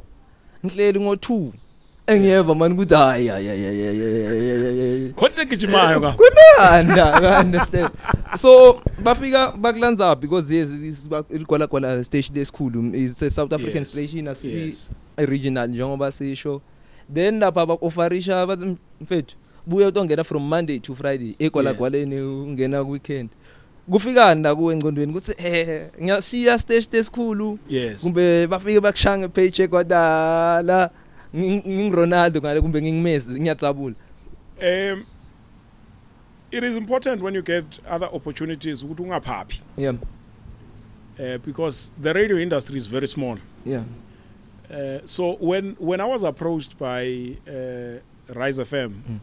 I was approached by Tony Morel, Mm. who was the programs, programs manager there, Mm. and he said to me, "I I would frequent at at uh, Empower. yeah Remember, Rise FM is Empower yes yes, yes. or used to be Empower. I would frequent as a voiceover artist for adverts. oh So some I'm adverts some of the adverts I would record there. mm. Uh, a client would request for my voice and I would go there and record. So it, there was no conflict of interest because it's an advert. usase busase kwala kwale Yeah, bengisasene kwala kwala. okay yeah So they knew me there. mm. And when they were thinking of, of switching to Rise FM, yeah I was top of mind. One of the talents we could bring on board, which is a familiar name and voice within Pumalanga, is this one. yeah And I think they also checked out my versatility. mm. And it being a station that would broadcast, mainly on, in English, they then uh, knew because of the ads I would do there that no, uh, ngeke sim- ngeke simkhame, yeah. Okay. Isilungu. Then they called me in. But what I then did, I went back to Ikhrotman and informed him ukuthi labantu laba bathi yabo? Wathi wena uthini? Ugcineni ufuna Ah, kuvakale yeah wena uthini? Ufuna ukuvaya ngathi mina hey kona imali ngiyayibona. Ngathi ithe ukuthi Uh, yabo. What no uh, if if inhliziyo yakhe isho kanjalo uh, you are free to go. And uh, also mentioned that i think it would be good for your growth. Yeah. wabo? Uh, so when i left likwala kwala i left uh, professionally so. I did not just up and and and leave or days sengwini lotho baba yini? No no no I, I i didn't do that. So it's important happy when you get when you get a new opportunity go back to your leadership inform them what's the situation and if they want to counter offer they counter offer and if they let you go you go freely. So that even if uh, in years to come they wish to have you back there is no bad blood. You know what you what i'm talking about. Uh, so that's how the situation happened again ngiyaphinze ngiyabuyela ukuthi la uhamba khona uma ufika lapha bakuthatha as a DJ first hour yes ndlala ama mix kwendekeni you introduce ukuthi okay ngicela Yes. ku kwenda lokhu because ngilena shot la uhamba Yes. khona akufani nalabanye le format le lesikhuluma ngayo yes i format ye radio kunale radio in general yonke lefana ukuthi education nani nani Yes. wonke umuntu ufuna ayibambe le yeah. but i don't think ne format ku creativity yethu lapha yes. Kade yes. so uma ufika with- na- na- ngiyakunika nanyalo empumalanga ku radio yasemkhathini welviki sikhuluma ngel hour not 45 minutes. Bawendile ma mix abo 45 nobody has ever done an hour. An hour. Kusukela ngo2 till 3 and uh, i drive ngiyacabanga ya 4 hours you the first one. Yes, Ukuthi yes. uye- in Mpumalanga Mm. yes. Kwente kanjani? Yes. Uh, well they the 4 hours was their format. Yeah i remember. But when i ukuthi- left Likwala Kwala I left with my PTR DJs yeah. Remember, I, I had a mixed show on Saturdays, only Kuala Kuala FM, Saturdays and Fridays. I took my entire team and I told I- I- I Rise FM and said, if if I'm coming through, I'm coming through with my team. song yeah. My show must have mixes. yeah And uh, they said, sure, that's what we're looking for. mm. And the station manager at the time was uh, Mr. Mabalan. yeah Uh, so he was up for it, and we went for it, and we killed it. Yeah. One of the, the, the my successes with Likwala Kwala was the fact that we brought music that most DJs were scared of. yeah. Deep house was something. All right, let me put it this way: most DJs wanted to go for the popular thing, okay. The popular sound. Yeah. So that makashaya inamba uyazi vele i mean mawushaya masibe happy muntu wami you know already ujem njenganyalo amapia- it's- amapiano ne-afrotech because afrotech bayibukelo i think ngizekubantwini lofike washape washape what? No Mm, no you, you need to look at this thing Yeah, yes. so i got there i said man i'm not going to do commercial. Uh, and the show that I, I found there I, I i respectfully said i'd like to do my own thing. Yeah. And I brought uh, DJ my DJs there, which were the same DJs from Likwala Kwala. Um, or even at Likwala Kwala, when I got to Likwala Kwala, I moved with my DJs from PCR FM to Likwala Kwala. yeah yeah Then Likwala Kwala, I moved with my DJs to Lon. Likwala Kwala, what made our show unique was that we played music they were hungry for, yeah and nobody was offering it, okay and not even any other show within the station Yeah. made us unique. Mm. It is the same thing we're doing with Fist and Dance. yeah Our music is unique. yes yes In fact, I'm not supposed to say this uh, because competition no one's a man and a podcast yakho. The secret to Fist and Dance is the music. Khohlwa konke okunye is the music but you you you cannot notice it until you are there. no angathi ukuthi ngibani le ngimkhombe le advert la kunalo mjida khona la egcoke le mask ne maspecs ne nani nani so uma ngimkhomba le advert ubuta le ngoma le ya Lady Alma le edlala la ngemuva le Yes, Lady Rain yes. kuthi le ngoma le yaba net ngikhohlele umndeni ngimkhombe Yeah. le advert so yeah It's ngiyakutho it's the music. Mm. So Rise FM also said, no, bring your DJs, let's do this. Mm. Uh, but ke- ke- unfortunately, it was short lived because they they had other plans. yeah mm, bo worried mangabe kuthi ngikhuluma ngokuthi uyi trendsetter nani nani the first thing uma ufika e Rise FM ngilive la khona uyakhuluma ulapha emoyeni i think i hashtag yabo beyithi Rise FM nani nani ufike wa change i hashtag usemoyeni angathi kumbe uyakhumbula lena ukuthi wafika ukuthi ukuthi Ethini? okay ithini hashtag yeni but hayi man le le motto yala Rise FM izimpumalanga zisho le hashtag izimpumalanga azisho lathi kwendeka I, I never noticed that Yeah. uh, that happened, but and yeah. i think nanyalo i hashtag yabo solongiyo It's the payoff line Yeah. of the of the station. Yeah. Mpumalanga Zishe is the official payoff line of uh, Rise FM. So it's Rise FM Mm. Mpumalanga Azish. So I guess all I did Mm. is to then stamp on it, stamp on it and say, people must know this is what it is. ngibona kune event le khona nyalo because ngifuna kuyala kulo music i think ngilast ongena khona sikhulume nge ngema DJs empumalanga because ne something lengende kahle ku radio the Rise FM de Yes. khona nyalo la nivele khona senior DJ kune group yenu so ngifuna kwathi ukuthi njengoba sekuchintshile u on weekends are you Yes. allowed to play the premium beats nyalo because the music bekungadlali kucala lo senema DJ so uyakhona nyalo ukudlala lo music lefuna ukudlala Where? inyalo ku Rise FM kule show lolo sebenza kuyo nyalo Oh no, my the current show that I'm doing. Yeah. Uh, no, no, no. There is no, there's no premium piece there. yeah Um, it's it's a formatted show. yeah it's, Uh, it's the station wants it the way i- it is. I play soul and R&B in the main. Uh, every now and then you'll hear I'm a piano song here and there, yeah but it's a it's a strictly formatted show. Uh, no, we don't express the sound. yeah That uh, hopefully maybe in the future they might be like, "Hey, Chana, uh, bring this thing of yours here. Le- let's let's see what will happen." I hope something like this that might happen, but no, not currently. no ku close masenbi masenlethele ama event alabo DJ because ngikhumbula i Rise FM and Friends Yes, yabo yes. so kungafika kuyilethe because yes, sen- yes. I hope so too. I hope DJ. so too. yeah because really uh, when when I'm allowed to to do what I do I move. I move uh, fully. So I, I'm hoping that can be embraced sometime in the future. But I think we're moving towards the right direction. Mm. There is now a mixed show. Mixes are back on Rise FM between uh, six and nine Yeah. on weekends uh, at PMs. So that is a very very good sign. There is an event that's happening now Yeah. uh, where those DJs who play on that show are playing there. We are also coming through to support and back them up uh, with premium beats. But on the radio, no, no, no, no. Uh, on my show, there is no premium beats yet. I'm a fan ye dance music or let's say in radio I'm a DJ that's where la ngithi mina sitokhona khuluma khona i radio yasempumalanga ngokuyibuka kwami emkhathini weliviki i right ukhuluma ngenzaba ye soul ma presenter nani nani but on weekends Yes. ma DJ avaleleka ngaphandle so kuwe because bosoyihambile le journey le yini Yeah. lele yenda ukuthi singakhoni kubona ukuthi sibe nalama shows abo ma deep house ukuthi or angithi ma special joke because Mm. ngidoyiletha kahle bavizisi yes a radio DJ is a radio DJ but a special joke ngulomuntu lo focusa kule genre like njenga ukuthi Mm. Who sinama- lives the culture of that sound? yeah so Yes. si lake up because ngilento lengithola ko and even noma bakhona i think lo survive lesinayo e BCR ngimavin codes una 7 i think it's 8 years this year and Yeah. yeah. i hip hop and R&B but sibe naye king deep wenda i deep house asana show ye deep house sike Mm. saba nabo bumzweshi nawe le change lengithi uke wayiletha ngo weekend egwala gwaleni Yes, i yes. say i don't think ukuthi sinayo i show ye deep house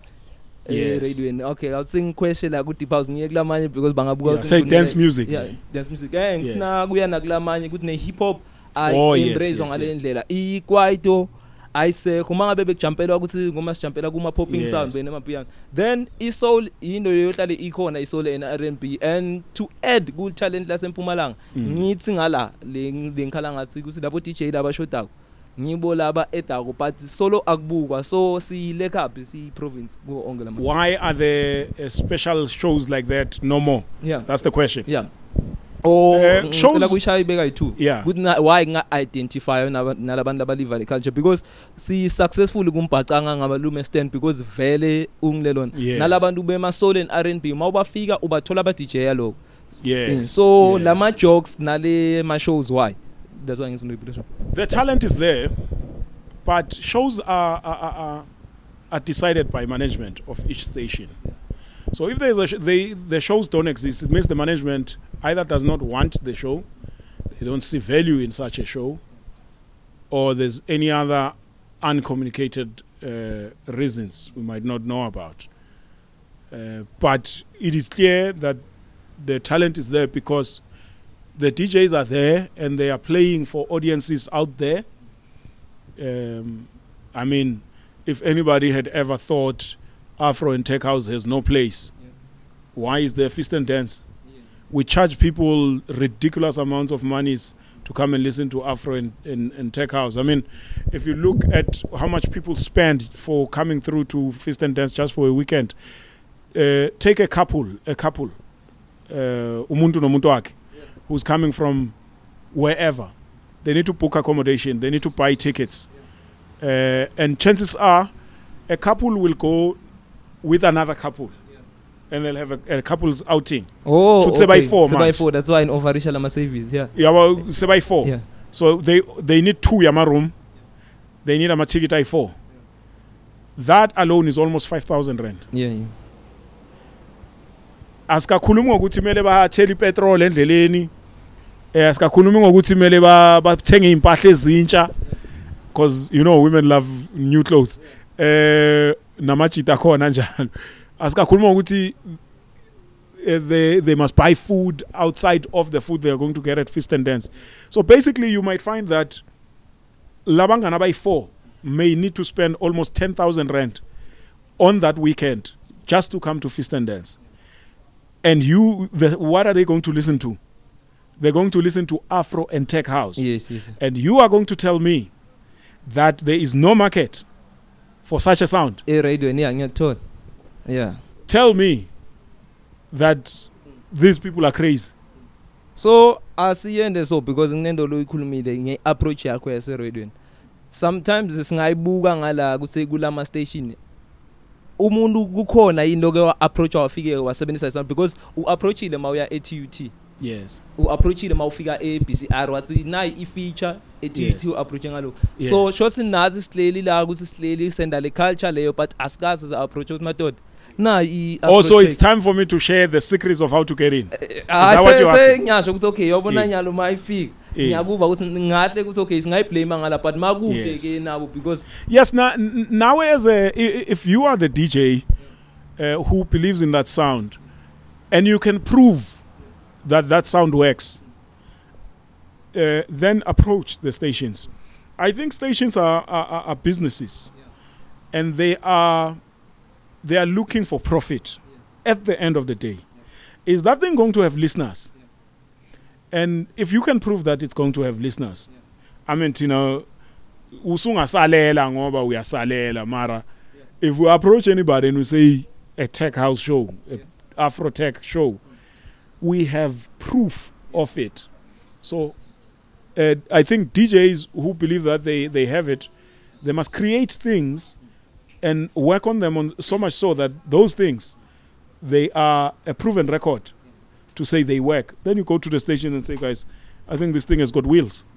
Eh sebangala ngoba mhlambe it's not within their plans or format mara eh nathi we have a responsibility uh, to present things that work.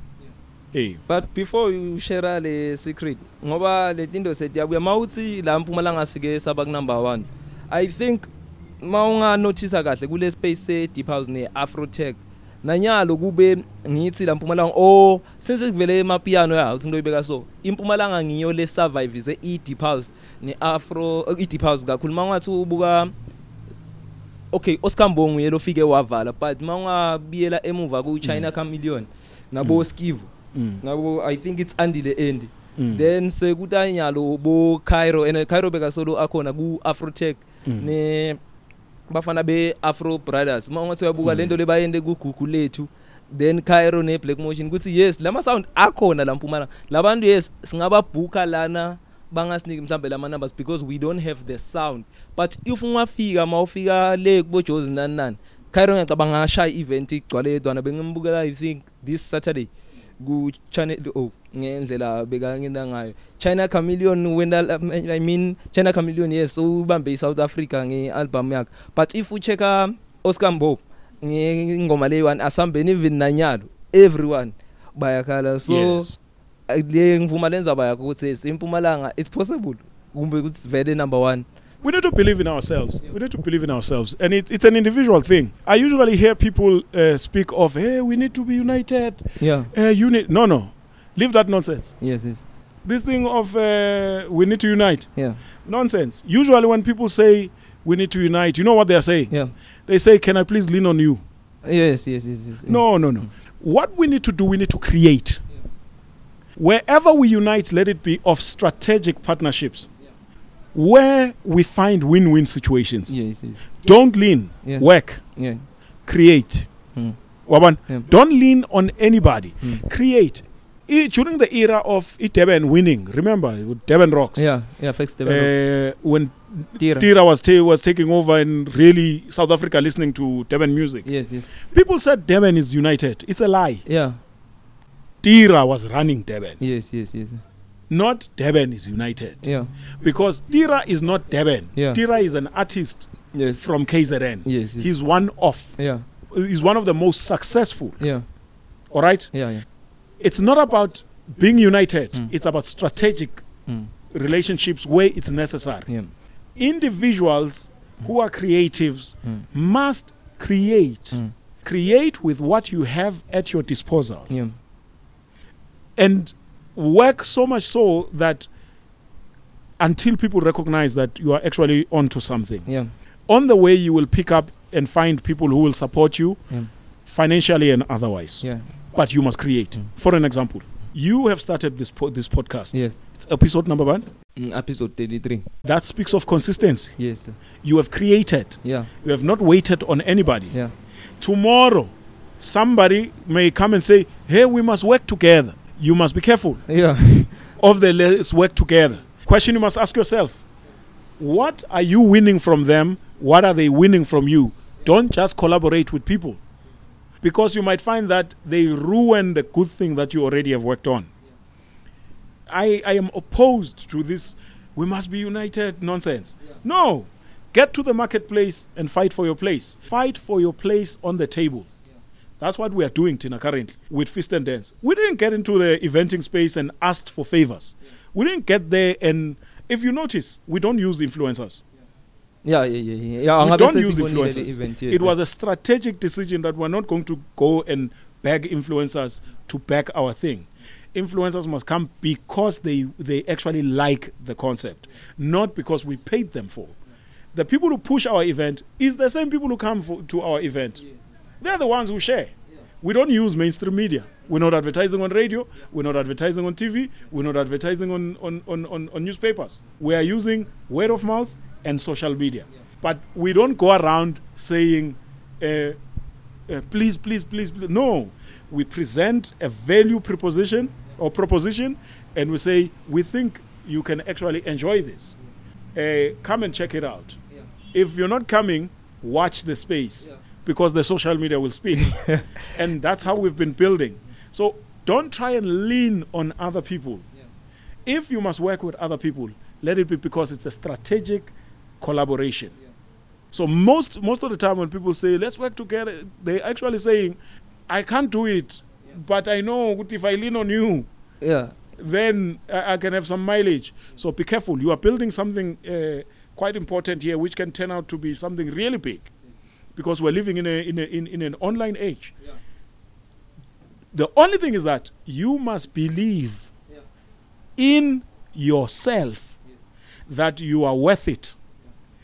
And even when you invite us interviewees to your interviews, some of us will say no. yeah yeah Some of ah, us will say yes. yes yes You keep going. Yeah. That's my story. So lento yokuthi mawuhamba ungahambi wedwana because sicale ecampus. Ecampus ufuneka ulanza abantu bangaphandle. Mawufika eBCR yes ngimawethu ngwili na tebuko DJ uhambe na butebuko khona labo yeah labo hamba khona na butebza then mawufika egwalagwaleni uthatha amajita lebe uDJ nawo uhamba we Rise FM so uyithatha yini yini ukuthi okay nguwe lebufuna iradio wedwana as Big Zill but bekungekho labanye yini ukuthi uscout talent kwente kanjani uzitholakala nalamandaba Anybody I've ever worked with, Yeah. I worked with them uh, because one, I believed in what they do. I believed in their talent. And they were really good. I work with good people. Anybody that I plug, I plug people who are really good at what they do. Yeah. Um, so two things. Those who were involved in my shows, it, it's because they, they were very good. yeah yeah And they also wanted in. yeah uh, all my DJs, you don't you don't come and say, please put me on. Mina, I discover my people. yes yes I go around always uh, uma ngazi ukuthi ngine platform efuna abantu abanje hlezi ngibeka indlela. Bengihamba la imbombela ngihambe ngimamele ngithi. Abanye bengibanikeza ichance bangayiboni. Ngimshiye kanjalo. Uyabona ngimshiye ne business card ngithi bongithinta. Ngimshiye kanjalo umbona ukuthi oh uyadlala lo ngeke alungi. Again because uk DJ radio is not child's play. yeah yeah I mean, you need to have money for data, submit a mix. You need to have time uh, to make those mixes. And what I recommend, I recommend ukuthi unga, unga music uteng, which means you need to have money to buy the music. yeah yeah for for equality yeah For equality. yeah So these people really you can't be on radio for hype. yes If you are on radio and you are playing on radio, it, it is a time constraining exercise. Those people had to submit those mixes week in, week out. So it takes a, a, a, a quality of a person, yeah a, a particular quality of a person to be able to, to work with in such a demanding space. And those people were worth it yeah all of them that I worked with. Moreover, those whom I was involved in opening opportunities for, yeah I believe Uguti, when you are sitting on tables that are looking for talent and there's opportunities, when you know people, you must you must plug people, okay but plug people who will represent you well. mm okay yeah ngiyavakala Because if an organization says they need a person who will, needs to do one, two, three, mm. and you recommend a person, and this person figure lapha iyadlala, it comes back to your name. yes yes yes And fortunately, mina anybody and everybody whom I have plugged, I don't talk about them. Yibo abazozikhulumela. I don't mention their names. Uh, those people have gone on to be to, to do very well in those spaces on which uh, I was fortunate to hear ukuthi hey kunento nje ngithe mchana swakala buya. Yeah yeah. Ngithe kunomuntu osong faka igama lakhe. You must do that because nawe yeah. igama lakho kudinga ukuthi libizwe somewhere. Yeah yeah. The same people laba lo bafakile. Not the same people. Now you, you remember now you are chasing other opportunities. Now uh, you are actually working for your, for your own favor. Mm. Ukuthi njengoba when you do good by others yeah. others will also mention should mention you the same way yes you yes. mention others. Okay. We understand? Yeah you don't you don't do people uh, well because you want them to come back and do anything for you. Yeah yeah. I've never asked for anything from anybody i've ever plugged yeah. Um, you do it because it's the right thing to do. Yeah. Kugcwalisela lolu show njengoba usho ukuthi awukase wamention ukuthi bani mina ngendelelo kunaloku Willy ukhulumele tu kwe um, interview ye podcast. Washo ke story sakhe oh you came here? Uh, no no no. Ku kune Or a different podcast? kune podcast lesinayo eh baba 20 wang BRK oh yes Yeah, i think yeah. i saw a promo yayo. Yeah so bam interview lapho ngila kavetekele story sakho. Mina was okay. And is he not good? U good. He's very good at what he does. Very good. He's exceptional. In fact i think willie is top tier in south africa. Yeah, yeah. is top tier in south africa. Uh, i actually think i called him recently and i told him that i think now he's relaxed he's playing. Because i mean he's the voiceover of one of the biggest radio Yeah, yeah, yeah. stations in south africa. Mara i'm not hearing ama advert wakhe in other stations. Yes yes yes So I was I was cocking on his head uh, recently Yeah. and telling him, "Chana, you are playing." Mina uh, pa kule episode uyasho ukuthi eh, wafika uthi ah mfana wami if unganginiki lento lengiyifunako ungabuyi kusasa la. Uthi awahamba wayendlini so mangabe ufuna kubona le episode lesikhuluma ngayo ya Willy hamba ku YouTube usearch usearch what's the deal? Yeah that's the name of the show. Then what's the name of the show? what's the deal What's the deal? Yeah. Okay, I must check it out. yeah so kuna Willy ihostwa ngi BRK then mawethu ngamva ku interview yakhe yasekwalakwaleni maka Okay. explain le story bambita kula bathini le ya Thursday lebe kuthi babita ngathi ma celebrate Yes. so bika interview Sweet Mike asho le Yes. yona le the history His yakhe story. ufike Oh, njani yes, yes. but yes, nyalo yes. singena ku special edition ku Asixoxe na Prince Vilakazi Yeah, i the yeah, big yeah. zeal recipe of getting to radio Oh yes. Oh yes. Uh, this is my recommendations. Mine. It's what has worked for me. yes Um, my my my my disclaimer is that there is no one formula to success. yeah yeah Mara, this one is mine. yes this one is yours and it might sound controversial to others, Yeah. but it's what I've seen. First things first, do not go around submitting demos. Usually, most demos go on unlistened to. I say this because I think you are lucky if any programs manager responds to your demo and actually gives you feedback. Submit a demo when they now ask for it. What you need to be worried about, very importantly, you must have a platform on which you are showcasing your talent. yes yes Because programs managers go around looking for talent that is active in the space. yeah yeah You are lucky nowadays because there are podcasts, yes there are Twitter spaces, there is Twitter audio rooms, I mean Facebook audio rooms, there is there is YouTube. You, you- and like the only thing when a phone yakho you actually don't need these gadgets yabona ama gadget Yeah, yeah. wasebenzisayo Mm. is overkill yes yeah. But it's the professional way to do things. When you have the money to invest in sound cards and microphones and and, and laptops you can upgrade to those things. But begin with that phone. That phone has a video camera. That phone has a microphone. And that phone is connected to the internet. It's a modem. That phone is connected to emails. That phone is a phone. So basically you have the machine the magic machine right in your pocket to begin creating your own platform to express your talent. What radio program managers and station manager, managers are looking for, I repeat, is active talent. You can't say when you are a broadcaster and you are not broadcasting. Mm, yeah, nothing yeah yeah You can't say you are a DJ, but you are not DJing. You can't say you are a comedian, but you are not doing comedy. You can't say you're a designer, you're not designing. You have to be active. Find a space and a platform to do it yourself. I mentioned these digital platforms because it may be difficult for everybody to get mhlampe, a radio com- a community radio platform. Yeah, yeah. If you get it, get in. Yeah. But actually, I recommend that you go the direction of creating your own. Secondly, understand this radio is not a job. Yeah.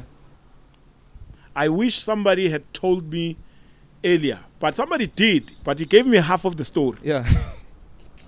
Uh, the former station manager of PCRFM, Hmm. Edmond Chirwa, yes, yes. used to tell us, mara bekasitshela ngoba naye anganamali epocketini laphayana uh, sometimes would, would not have money Oh. as a station Yeah. to pay the bills. You Yeah. know how community radio life is. Yes. yes. Sometimes the station makes money, sometimes it does not make money. Yes. So when he, uh, the going gets tough and he must explain to to us why isingakholanga Yeah.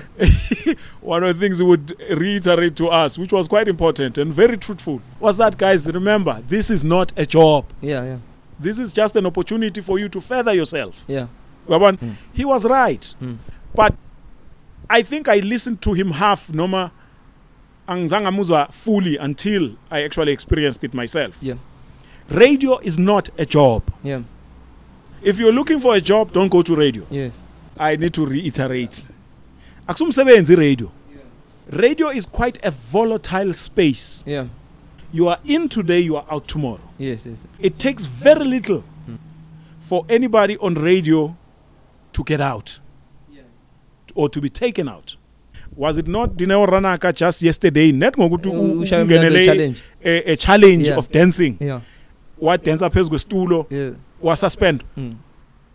It happens everywhere. Yeah. Even kule era ya fresh la kucale nje fresh khona kuya ngala beyimatima i radio. Yeah, ibuye enyaka. Wonke nje umuntu bekahamba. In the past, radio jocks could be on radio for the longest time. Nowadays, two minutes is enough. You are out. So, when you get in, in on radio, most radio stations, the contract you sign with radio stations is that of an independent contractor, which means you're not an employee of the station. You are a contractor, you are independent, you are your own boss. You are just servicing the station during the time at which they ask you to. Mm. Okay. How you make a living is your business. They will pay you for the time which you service them. And when they don't need you, they don't need you. You must find, uh, you you make a living with whatever else. You are an independent contractor. That is the nature of entertainment as a whole in South Africa. We are independent contractors, which means we are businesses by ourselves. So you don't depend on radio. They are outsourcing. Yes. services from us. They are the ones outsourcing those services from us as long as they need them. When they are done, somebody else takes over. Wabona nyalo uyi explain kahle. Clean. It's the nature of the beast. So if you are going to invest your entire life on radio itself, understand that you don't have control. Yes. yes. So, what is important for you to be able to have some form of control within the radio space or the entertainment space? You need to be able to understand that you are a seller of services.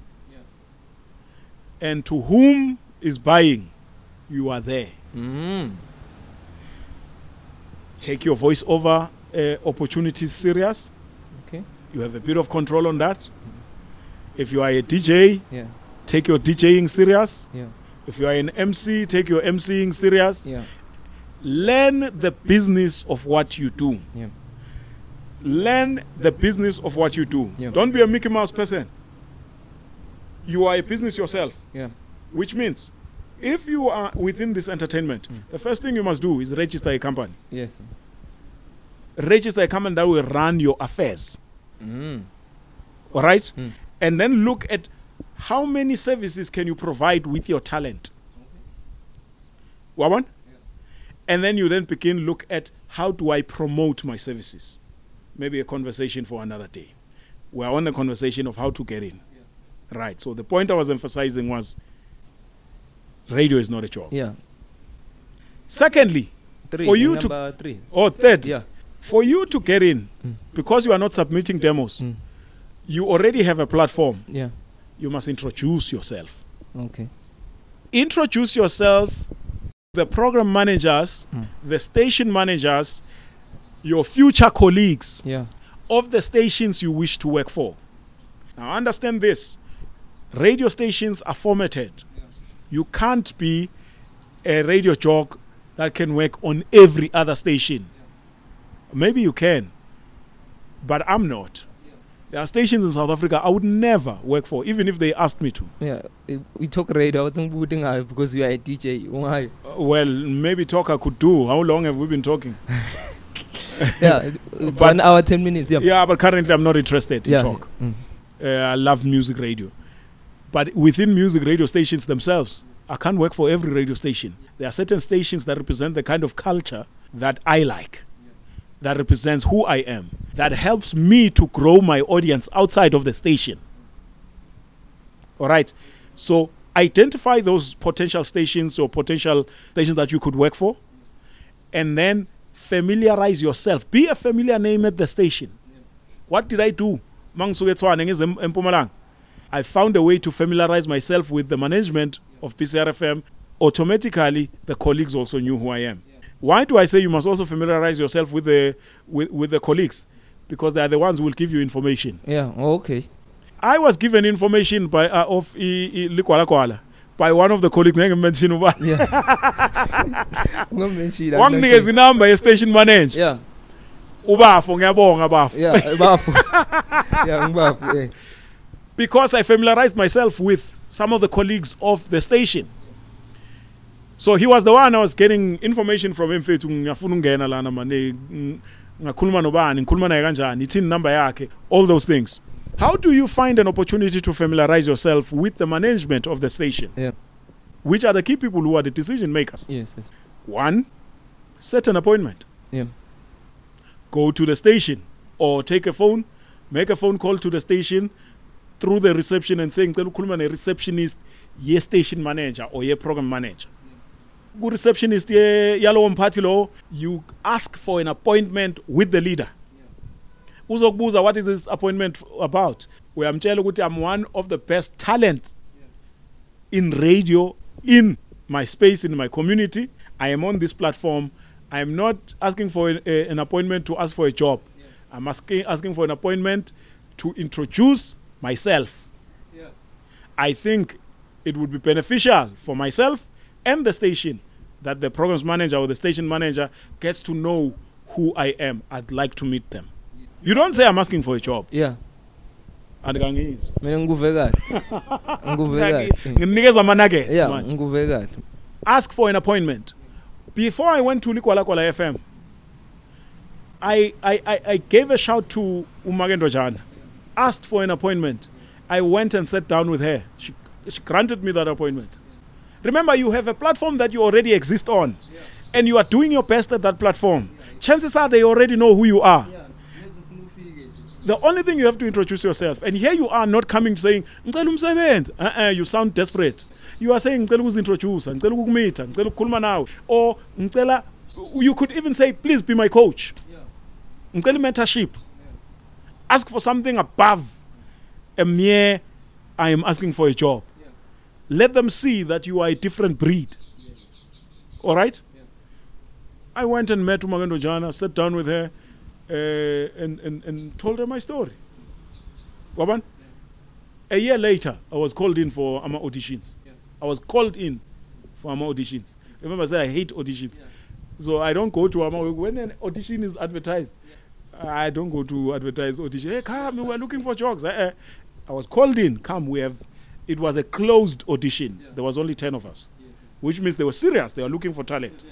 And they had called all those they know are on platforms and they are serious at what they do. Chances are they also introduce themselves. Yeah. Ngeke wazi. Yeah. So they were serious. Those I take very serious. So introduce yourself.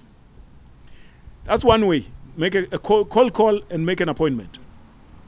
If that doesn't work, every radio station has events.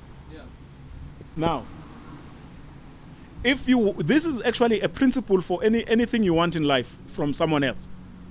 If you want something from somebody, find a way to support them in what they are doing in their own in their own uh, projects and life.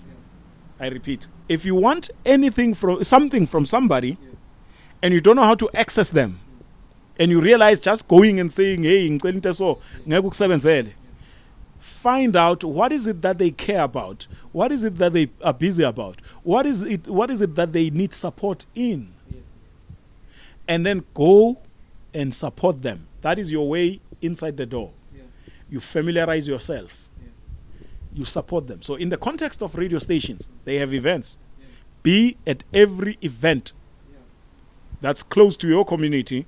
That this station does and if there's any way for you to be involved participate if there's any way for you to be of help and be helpful be helpful if it means you are there at the event you are helping them set up do that if it means you go to the promise manager you go there you say hey ngumuntu oso so so so how can i be of help? Eh? What's this going to do at, to this promise manager's mind? How can i be i'm so and so introduce let make sure they know your name. They know who you are they know what you do. You introduce yourself. I'm so and so. I i'm on radio i have a podcast so so so so. Ngizwile nine event la. I'm here to help. How can i be of help? Hayi ngicela ukuba semoyeni uh-uh. How can i be of service? Manginento emele ithwalwe thwala. Mama you know what's going to happen? Uzokunika yena number yakhe. Uzokunika yena number yakhe uzokunika yena i-email address yakhe. Athi yeah my oh business card at me. And remember you are busy, you are a business. You must have business cards of your, yourself. Where are your business cards. Ngiyathola. Yeah. angisho wena ya ngiyakupha phela mawubuka ngathi uyibuta mina yeah yeah. We're talking about strategies to get in the game. Now, when you've introduced yourself like that, a time will come when you can have an honest conversation where you would then say, if an opportunity comes up, please consider me. But ngapha ku platform yakho uqhubeka uyashaya. Fourthly, what is important? What is most important? And most people don't recognize or realize this. Radio stations are radio stations because there are people listening. yeah What does this mean? They are looking for people that others want to listen to. oh okay yeah ngiyakupha Create your own audience on your platform. yeah I'm about to share with you something more advanced. yes yes create your own audience. Angithi ubhizi kule platform yakho ubhizi ku-podcast yakho you have an audience. After you know you have an audience database the personal information of every person that supports you okay. on your platform. Write down name, surname, cell phone number, email address of every single person that supports you. Database them. That's your money. yeah Okangizwa. ngikuva kahle Eh kwenta isense mara bengitshele ukuthi ngido ngidoqhamuka ngu rap up konke ani kuno ukuthi mafonelwa ngimlaleli use radio ugcine so wathi ukuthi oh kunabani epinaru Yes. recognize Yes. le voice so ngiyakuthola lokho Yes. Currently, people are databasing their, their support through social media. But unfortunately, if they are on social media, they are not yours. yeah yeah yeah because They belong everyone. to Twitter. yes yeah They belong to Facebook. Yeah. They belong to TikTok. Mm. You must have your own database.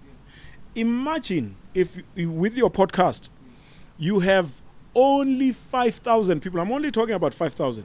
Four to 5,000 emning. 2,000 people that you know each time you release your podcast. balalela These are the first people who will make sure that they listen to your podcast. yeah yeah Then next time we keep a t-shirt. Mm. Yeah, ascoce. yeah Don't you think at least 15% of 2,000 people will buy that t-shirt? yeah but wait yeah If 300 people, Mm. 300 people buy that t-shirt, and you are selling that t-shirt 151 Mm. unamalini now we are beginning to get into the space of you are a business yes yes and your welfare you are the one who's responsible for your welfare not the station because the radio is not a job. Yeah yeah, yeah. okay. And when are you when you get on any platform your your, your core interest should be on this platform i must grow my audience. Why? Because you are an independent contractor. Mm. when they call you and say we want you to work for us it should be it will only be because they believe that with you on board they will either keep their audience or they will grow their audience. Because you are there. So which means if you go to any platform and you say i have so many people who are supporting me. This is my platform this is my content. My growth strategy is that i must also be on radio. I, when there's an opportunity, please consider me. Currently, with my podcast, this is how much money I am making.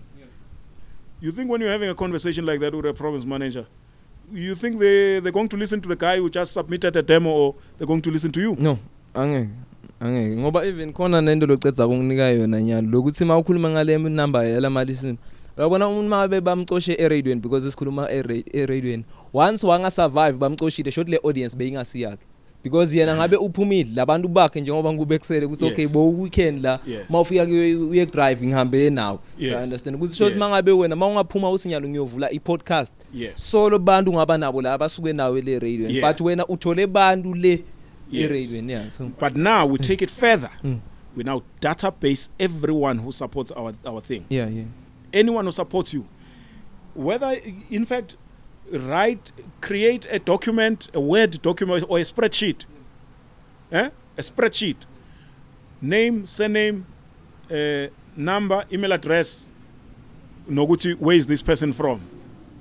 All right database those people that's your money.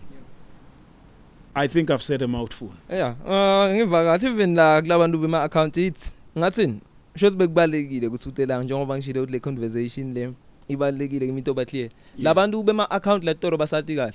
Anu uyabona Yes. masigcwalisa so yeah be ngathini? Kude umuntu ofike waletha lendzaba ye business strategy or wafike washo ukuthi no man mawugrade yes. uyibusiness wena Right, wena business. i-outsourcing Yes. nani nani. Uya ngokuthi ufuna umsebenzi. So nyalo njengoba uyibeke phansi so Mm. iyavakala nyana. Yes, it's very important because here's the other thing, uh, which makes radio very volatile. Radio stations, uh, on the main, they hire radio managers in five-year terms. So a radio manager will have a, a five-year tenure, and wherever they get to, wherever they get to, a radio manager will come with his own team. yes yes yes yes, yes. He has people he believes in. yeah does not mean it does you are not you are not good at what you do it means he has a different plan all right yeah and if mabe yamsebenzela ngale ito Izomsebenzela la yakho. umsebenzela ngala bo coach and here you labenza are wena ngapha clinging to a show. It's my show. And mangabe safaka yena lo acabanga ukuthi uzomwinisa Yeah. because naye ufuna ukuwina. Yeah. Ufaka lo acabanga ukuthi uzomwinisa wena manje ngapha so uyakhala uyalwa. Yeah. Yeah but umthathele ishow yami. Yeah. You understand? Yeah. But when the radio station itself realizes that when kahle kahle you are not just talking on the radio. Yeah. You are in the same business they are in. You understand? Yeah. you are in the business of an audience. Why? Because people don't listen to radio stations. They listen to people. Yeah yeah but they also equally easily easily forget the previous person yeah. when a new person comes. Listeners are like that. Yeah bucala ucala ngicabanga lokwemanti neminyanga leyi1 uplayer uplayer but khona labatofona ha uyayishaya lento ehe. Mm. uya-adopta naye nalo bekathi yena hayi mina ngisakhumbula uzibani bani uya-adopta ukuthi awuzibani uhambile sesisele nalo. So but if wena uphuma la are you still going to maintain your lifestyle now but if you were dependent on the radio uh, job which is not a job then you are stuck yeah hayi ivakele i'm happy ukuthi sibe nayo le conversation lena and asibona ngwele kutoiletsa clear kusikhumbuta kugcina 5 March kwendakalani 5 March, Feast and Dance is going down at a secret location within the city of Mbombela. It is a three star award winning lodge. Yeah. Beautiful venue. Uh, we're bringing the Feast and Dance experience there. Tickets are 800 Rand. And if you buy four or more, we discount the ticket to 750 Rand. The ticket includes uh, a buffet, a bottomless bar, the entire Feast and Dance VIP experience, and a whole lot of beautiful music curated by professionals who are good at what they do. For DJs who wish to play on Feast and Dance, understand this. We have a policy. We don't, we don't book DJs who are good yeah at being DJs. okay We book DJs who are good at Afro and Tech House and live for Afro and Tech House. okay yeah yeah So we, we, we, we are opposed to versatile DJs. You know when DJs are learning to play, they say, I want to be able to fit everywhere. Unfortunately, you can't fit at Feast and Dance when you uma ngabe uyaxubanisa. Ungafitha everywhere la usho khona everywhere. Mara Feast and Dance are everywhere. yeah you Um, but we are looking for talent. Uh, when I just reach out to us through our WhatsApp number 0721202278, whether you want tickets or you want to be involved, then we will direct you as to providing the right information. Also, I will take assist. But we look forward to seeing you. We hope to see a lot of people within uh, the region of the city of Mbombela, Babaton, Malelane, White River, Hazy View. We wish to see more and more and more people from our community. Uh, but it's an international event which attracts people from all over. Our American guests uh, said they're coming back. We attract guests as far as Botswana as well.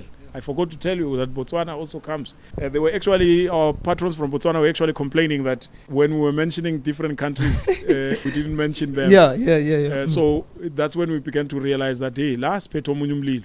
So lento imnandi bafethu honestly it's a very nice nice experience. Uh, you must experience experience it at least once. But unfortunately i can warn you that once you experience it once chances are you will never want to miss it again. But we, we, we really appreciate and thank everybody uh, because we've got we've got patrons from Barberton as well who he- support us each and every time. In fact laba seBarberton yibo ke bokuqala aba complain abathethi nento drive sibuyele emuva sifuna uh, book the entire lodge. Uh, they were the ones who gave us that idea because basabi hilltop lapha is very dangerous. Eh. Exactly. So but that's what it is bafo no angithathe lesikhathi ngibone ukuthi utela asixoxe na Prince Villas asixoxe na Prince Villas njengoba ngishilo ukuthi i see ngendlela leyi1 siya sibungatha umsebenzeni lwendako but siyafunza nokufunza then siyajabula mangabe kunetinto leto sinceda nathi ukuthi sikhule si siyimpumalanga because njengalama event la ukhuluma ngawo hayi ukuthi okay ngile event kuphela kunema opportunities emsebenzini khona lapha phakathi kule event. nalabo DJ lele sikhuluma ngabo ukuthi yes bo DJ ba DJ but sometimes everyone angamixa. So maniye ko sport talent talent. Yes. ukuthi ungibite ngo DJ lapha Yeah. kunginika umsebenzi. But lo muntu lo tobajayiva lapha angangifuna tu kweparty yakhe It's i true. understand. it's true so sibongana namathuba emsebenzi. Eh ku radio njengoba ngishito mangithi uyi game changer. The thing lofike wayenda ngale to eBCR njengoba ukushilo uyipioneer yakho konke net bo bofihla loko kuthi infonelane kwendiwe nguwe bekuse- besingakakujwayeli then ku introduce abo mfundisi sithende sikwathi ku music kuthi kuna Big Chosa kuna SOS Yes, kuna yes. DJ Cleo kuna Black Sam yes kuna mzekezeke kuna DJ Sibuba sebenzete kwe company leyi Yes. ngoba ngase kwatholakala ukuthi solo ngibani mzekezeke but e radioweni kuthi kufike kwavela mfundisi sithende nawo mfundisi sithende noma ngasekho but the person behind umfundisi sithende yes ngilenye yema radio joke le good was gone empumalanga on to really do well for Yeah. themselves impumalanga so Yes. sifunze kakhulu even nami ezibalaleli or ku creative space njengoba usho ukuthi ku radio siye nange creativity lesinayo i think ngifunze kakhulu ku radio mangilalela wena njengoba shilo the first person lengimati enda i live e radioweni nguwe yes ayendeka nyalo but ukuthi lento ukuthi push talent lasempumalanga mawuthi wena asupportani ukwendile then safunza Yes. Siyalandzela. Yes. Hayi ukuthi asisupportani so manginale thuba lokuthi mina nyalo angikwende angikwende batolandzela abantu. So yes but don't support mediocre. Uh, support people who are good uh, at what they do because when we support mediocre we are killing our own space. Uh, there are people who are very good at what they do, and those are the people we should make sure that uh, we are supporting. And also, not, not also support them because they are local, and support them because they are good. Don't support the initiative. They must be good at what they do. What must be our core prerequisite is excellence in anything we do. Hence, e- e- even with, with what we do with Feast and Dance, our patrons are very uh, uh, forward people who, who will tell you s- same time. If you are messing up on something, they'll tell you fix this, and we rush quickly to fix it because we are running for that excellence. Uh, you will make mistakes, but if if if your your existence is wired around excellence, then people will support. So let's support because what we're offering is really good. asicocela Prince Vilakazi kune part la ifika khona ibe la ngienjoy khona so mangabe u YouTuber unokusho i intro yakho ya ku YouTube then mangabe u podcast unokusho intro yakho ku podcast but uku radio angeke ngithi sakade kune promo lo yena le advertiser lama show akho a Saturday lapha uyi voice over yakho so kuze umuntu akulalele Yeah. na ni because yendiwe nguwe le promo uyayathi ngakunika lelithuba ukuthi uyende ukuthi okay it's a script. makayiva. That thing. It's a. It was. It was a, a creative script. A Yeah. copyright. yeah I don't know if I. I, I still have it. I know. and I also enjoyed creating that promo. yeah yeah, yeah. Uh, When did you hear it? No angaweva ama ngicala kuchintsha because I think lengikhumbula kahle ngile yakho na cheese. Yeah eh, yeah. Yeah. Ngashayile. So can't remember. can't remember it. But uh, well, if you want to listen to me on radio, Yeah. um, I'm at 9 p.m. on on Rise FM. Mm. Uh, but uh, I hopefully in the future will be doing some house music. yeah I will be trying to request from leadership ukuthi mana basivumele kancane yeah and if they do allow us I then uh, you'll be insimbu zayizwe yeah uh, which I think uh, really management has shown that they are embracing electronic dance music Mm. with the show that comes before me. Mm. So I believe that mhlampe growth in that direction will come. Uh, but right now we're doing uh, the formatting R&B, Mm. soul. But uh, if we want to hear insimbi ke lezi sisebenza ngazo, yeah uh, premiumbeats.co.za. Yeah. If you want to follow the event, it's at Feast and Dance. yeah Twitter, Facebook, and Instagram Mm. uh, at Feast and Dance. Mm. Feast and Dance. Yeah. F E A S T A N D and then Dance. yeah D A N C E. Uh, at Premium Beats SA. yeah. That's where you follow me, my pages Mm. on Twitter, Facebook, and Instagram as well. Yeah. Ah bese ngeke sicetha but I'm happy ukuthi sigcine sikhonile. How long is Eh, this? Eh? How long is this? Nyalo sishaye We've done two one hour plus. hour no 2 hours. Two hours. it's been two hours. Uh, two hours. What? It's two hour, 12 minutes. Yeah. So Am I right? In 12. Ngibona the 29 there. Hey, yeah, it's 2 hours. Yeah. So thank you so much for coming. Shothi ngiyoba nenkinga editor la but into bengicedzile siyabonga. Thank you, Bafu. Thank you so much for inviting me. I when I said I think you're really good at what I do, what you do, Yeah. I meant it. Um, I love the fact that you do your podcast mainly in Siswati, Yes, yes. and I felt like you make Siswati sound cool okay. in, in, in how you, you conduct your, your, your podcast, Mm. your interviews. Yeah. I enjoy your way of interviews, and I think a lot of people will will enjoy you too. Yeah. Um, as soon as you send me a link Yeah. uh, to share, I'll be sharing it as well because I think people will enjoy Yeah. what you do, Yeah. and I'll be subscribing myself as well. Yeah.